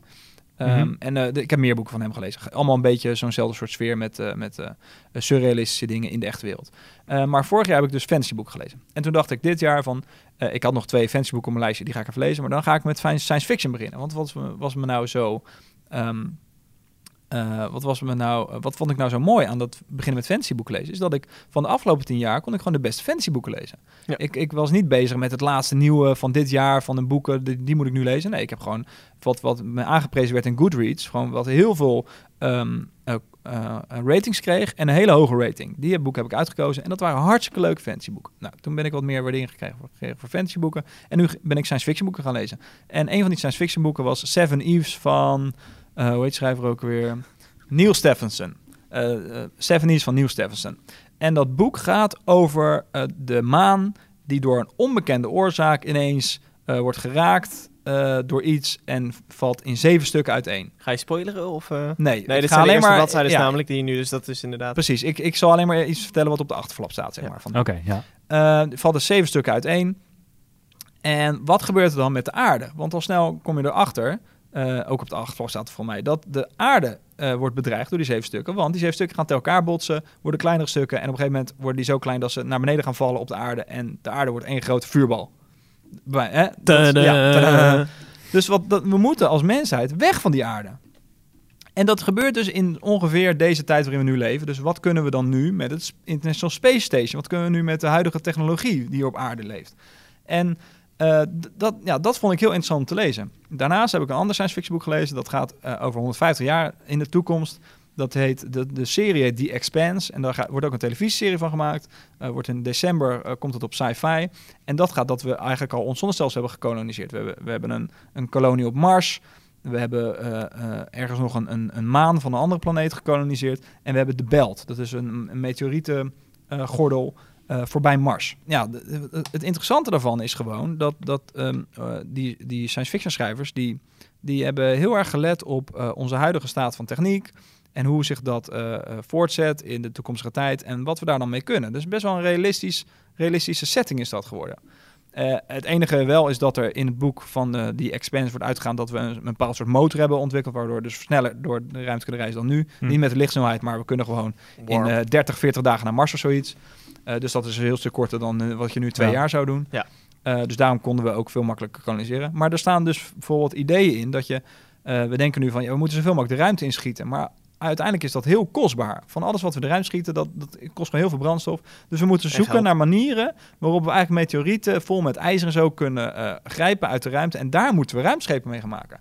Want hoe kunnen we ook ruimschepen maken uh, die, niet, die, die niks te maken hebben met zwaartekracht. Want zodra we ruimschepen hier op deze aarde maken, hebben we al te maken met die, die fucking zwaartekracht ja. die we eerst moeten overwinnen. Ja, waar je terwijl je veel kracht tegen moet pompen. Ja, precies. Om terwijl we veel efficiëntere ruimschepen kunnen maken die zich helemaal niks hoeven aantrekken van zwaartekracht. Nou, dat soort dingen lees ik nu in die boeken. En dat vind ik gewoon ja, fantastisch om te leven. Ja. En Elon Musk is daar nu ook mee bezig. Space ontploffing X, noem ik het maar. Ja, ja één raket is ontploft. Dat is wel heel jammer natuurlijk. Uh, dat is eigenlijk een beetje hetzelfde als dat uh, de eerste zelfrijdende auto die dadelijk een, uh, een, een, iemand een bejaarde omver rijdt ja. op straat. En daar krijgen we ook gezeik over. maar die, die, die vooruitgang is niet stoppen. Maar Elon Musk is een beetje bang voor artificial intelligence, heeft een keer gezegd. Dus hij wil een soort van backup maken van de mensheid. En dat ziet hij als eerste stip op de horizon. Ziet hij de kolonisatie van Mars. als je een computernerd bent, dan snap je... Ja, fucking backup hebben we nodig, jongens. Kom op. Redundancy. Een back, backup van de menselijkheid. En op Mars. Ja, veilig, ja. veilig offsite opgeslagen. ja. Heel logisch. Ja. ja, hartstikke koud en zo. Of warm. Ik weet eigenlijk niet Moet hoe er wel heel veel gebeuren dan. En maak je dan ook een radiostiltegebied? Een radiostiltegebied? Ja, dat, ik moest er heel veel aan denken toen je net zei over de huidige techniek en zo. ik las vanmiddag op Bright.nl een, uh, een stukje, die hadden daar een filmpje geplaatst. Uh, over een, soort van mini-documentairetje. Weer even een zijpaadje. Een mini, mini-documentairetje op YouTube. Um, van een, het radiostiltegebied in Amerika. Er is dus een radiostiltegebied. Over de aluhoedjes. Um, uh, rond Green Bank. Ja. En het is ongeveer 34.000 vierkante kilometer. En het is niet voor de um, aluhoedjes. Oh. Het is voor de grootste radiotelescoop. Ja. Nee, dat heb je in Nederland ook, hè? In Nederland heb je op de Veluwe zo'n hele grote telescoop. En volgens mij heb je daar in de buurt ook helemaal geen... Hmm. Heb je ook met je telefoon geen verbinding en zo? Nee, want je mag daar dus, in het radiostiltegebied mag je dus ook niet met je mobiel. En dat, dat werkt ook gewoon niet. Heb je in Nederland ook, op de Veluwe. Oh, echt waar? Ja, ik heb daar een keertje op vakantie geweest in de buurt. Daar gingen we fietsen en daar kwamen we dat hele grote ding tegen. Ja. je kan daar niet bellen en ook geen radio en zo. Dat is wel... Uh, ja, ik vond het wel bijzonder. Maar goed, en er, er zijn dus wel heel, veel aluhoedjes nu komen wonen. Want die zeggen van, oh ja, we hebben superveel minder straling. Maar dan denk ik, je woont naast een van de grootste...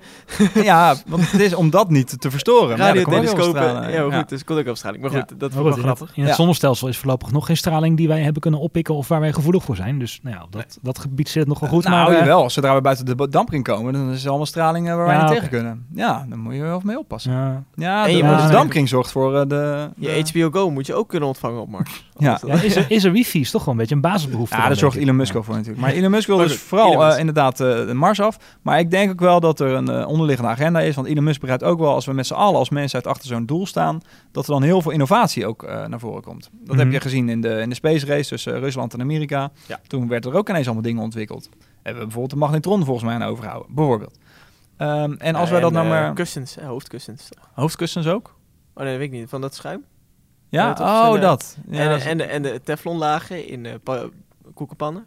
Ja, ik denk ook dat de iPhone er niet was geweest als we niet uh, naar de maan zijn gegaan. Dus, dus dat vind ik een heel interessante ontwikkeling. En Elon Musk is daar best wel het middelpunt van nu.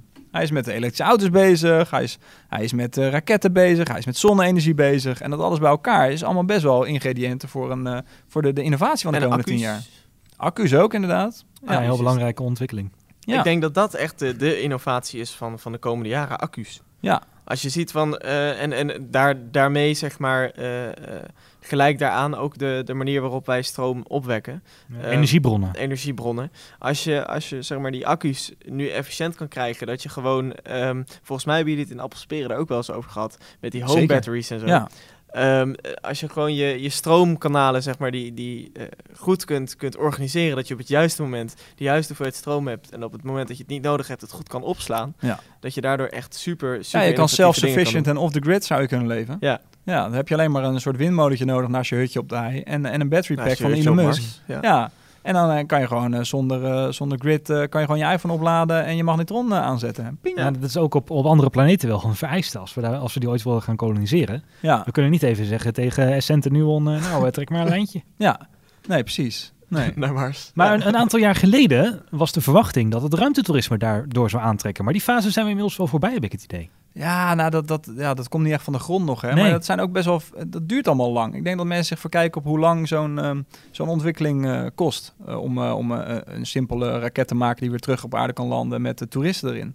Dat, dat, Hm. is nogal wat. Ik ben niet helemaal up-to-date over de laatste ontwikkelingen rondom ruimteontwikkelingen.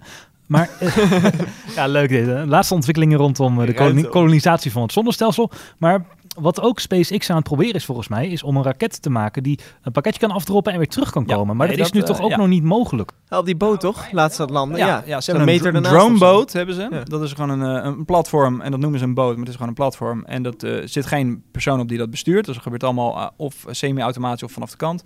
En ze proberen die raket die ze dus de lucht in sturen ook weer te laten landen op dat ding. En dat, en dat eh, gebeurt doordat die raket en het droneschip eh, met elkaar communiceren. En op het juiste punt het droneschip dus onder die raket komt. En die raket net even een laatste zetje geeft met zijn met thrusters om recht op dat ding te komen. En dat is al twee, drie keer bijna gelukt. Het lukt hem niet. En dat, en dat zorgt ervoor dat eh, spullen de ruimte sturen gewoon nog maar 10% kost van wat het nu kost. Dat is kijk, dus een bizarre ontwikkeling die er nu aan zit te komen. Dan wordt het interessant. Ja. En dan gaan misschien meer commerciële partijen er ook weer op instappen. En, Ja. en komt een soort van stroombestelling aan, aan Precies. eh, ontwikkelingen in ruimtetechnologie. Ja. Want nu heb je alleen welke partijen, dus SpaceX zijn ermee bezig. Je hebt de En dan, gebruikelijke eh, overheidsgesubsidieerde... Nou ja, eh? SpaceX wordt nu natuurlijk grotendeels door de overheid gesubsidieerd. Ja. Door middel van dat de overheid opdrachten geeft om het Ja, ruimtestation missies te doen, eh, ja. te bemannen. Maar in principe stuurt alleen maar eh, Rusland de mensen, spullen naar de ruimte. En eh, SpaceX. Ja. En NASA is Europa. gestopt, dus die heeft De het NASA doet dat, die zet het allemaal uit. Ja. Europa doet het ook. die- maar die, eh, ik weet niet of die zelf raketten hebben eigenlijk. Maar die doen het dan ook weer via de Russische eh, Hm. eh, platformen volgens mij. En China is er ook mee bezig. Maar ik weet niet hoe ver die ermee zijn. Dat laten ze ook Ehm, niet los. Nee, maar er zijn voor mij maar vier entiteiten die spullen de ruimte in hebben gestuurd. En dat is eh, Europa, Rusland, Amerika En en, en ja. SpaceX. Nee, want er moet natuurlijk op een gegeven moment een moment komen dat het voor commerciële partijen interessant wordt om in te stappen op de eh, eh, ruimtevaarttechnologie. Ja. En op die, op die industrie Ja, maar we die zouden ook gaat worden. heel praktisch en nog, nog mooier is dat we gewoon een, een, een groter International Space Station kunnen bouwen. Omdat we veel makkelijker spullen de ruimte in kunnen Ja. sturen. Maar de, eh, denk je dat, dat dat voldoende is om echt een, een, een stroom naar, naar buiten de aarde te realiseren? Want daar gaan we het dan wel over hebben. Als je wil gaan koloniseren ergens... Kono, wat een rot. Koloniseren. Koloniseren Ja. ergens anders. ehm, eh, dan heb je daar veel mensen voor nodig. En dan moet je daar een soort van eh, mini-maatschappijtje gaan opbouwen. ja, Ehm, Utopia. Waardoor, nee, maar waardoor dus een vaste stroom mensen, zeg maar, eh, van en naar de Ja. aarde moeten kunnen. ja, die hebben we nu natuurlijk al in het International Space Station zitten. Dus er zijn er niet heel veel, maar het zijn er wel. Ja, En maar is dat mensen- voldoende om te Eh, koloniseren? Het is een eerste stap. Ja. Koloniseren. En, ehm, ik kan het echt niet uitspreken. sorry. Ja, om echt mensen naar Mars te krijgen en zo, dat, dat zal nog wel eh, een tijdje duren. Misschien maken wij het in ons leven nog mee dat er mensen op Mars landen. Maar een hele kolonie op Mars, dat zie ik, ik denk in ons leven nog niet echt gebeuren. Eh, of we moeten ineens een doorbraak hebben in het kunnen ehm, eh, opwekken van voedsel in een eh, afgesloten ruimte en zo. En dat kunnen we best testen op aarde natuurlijk, door gewoon een, een, een ruimte af te sluiten. Want welke elementen zullen we nodig hebben om zo'n kolonie te kunnen Ja, stichten? zuurstof en eten. En water. Eten. Ja.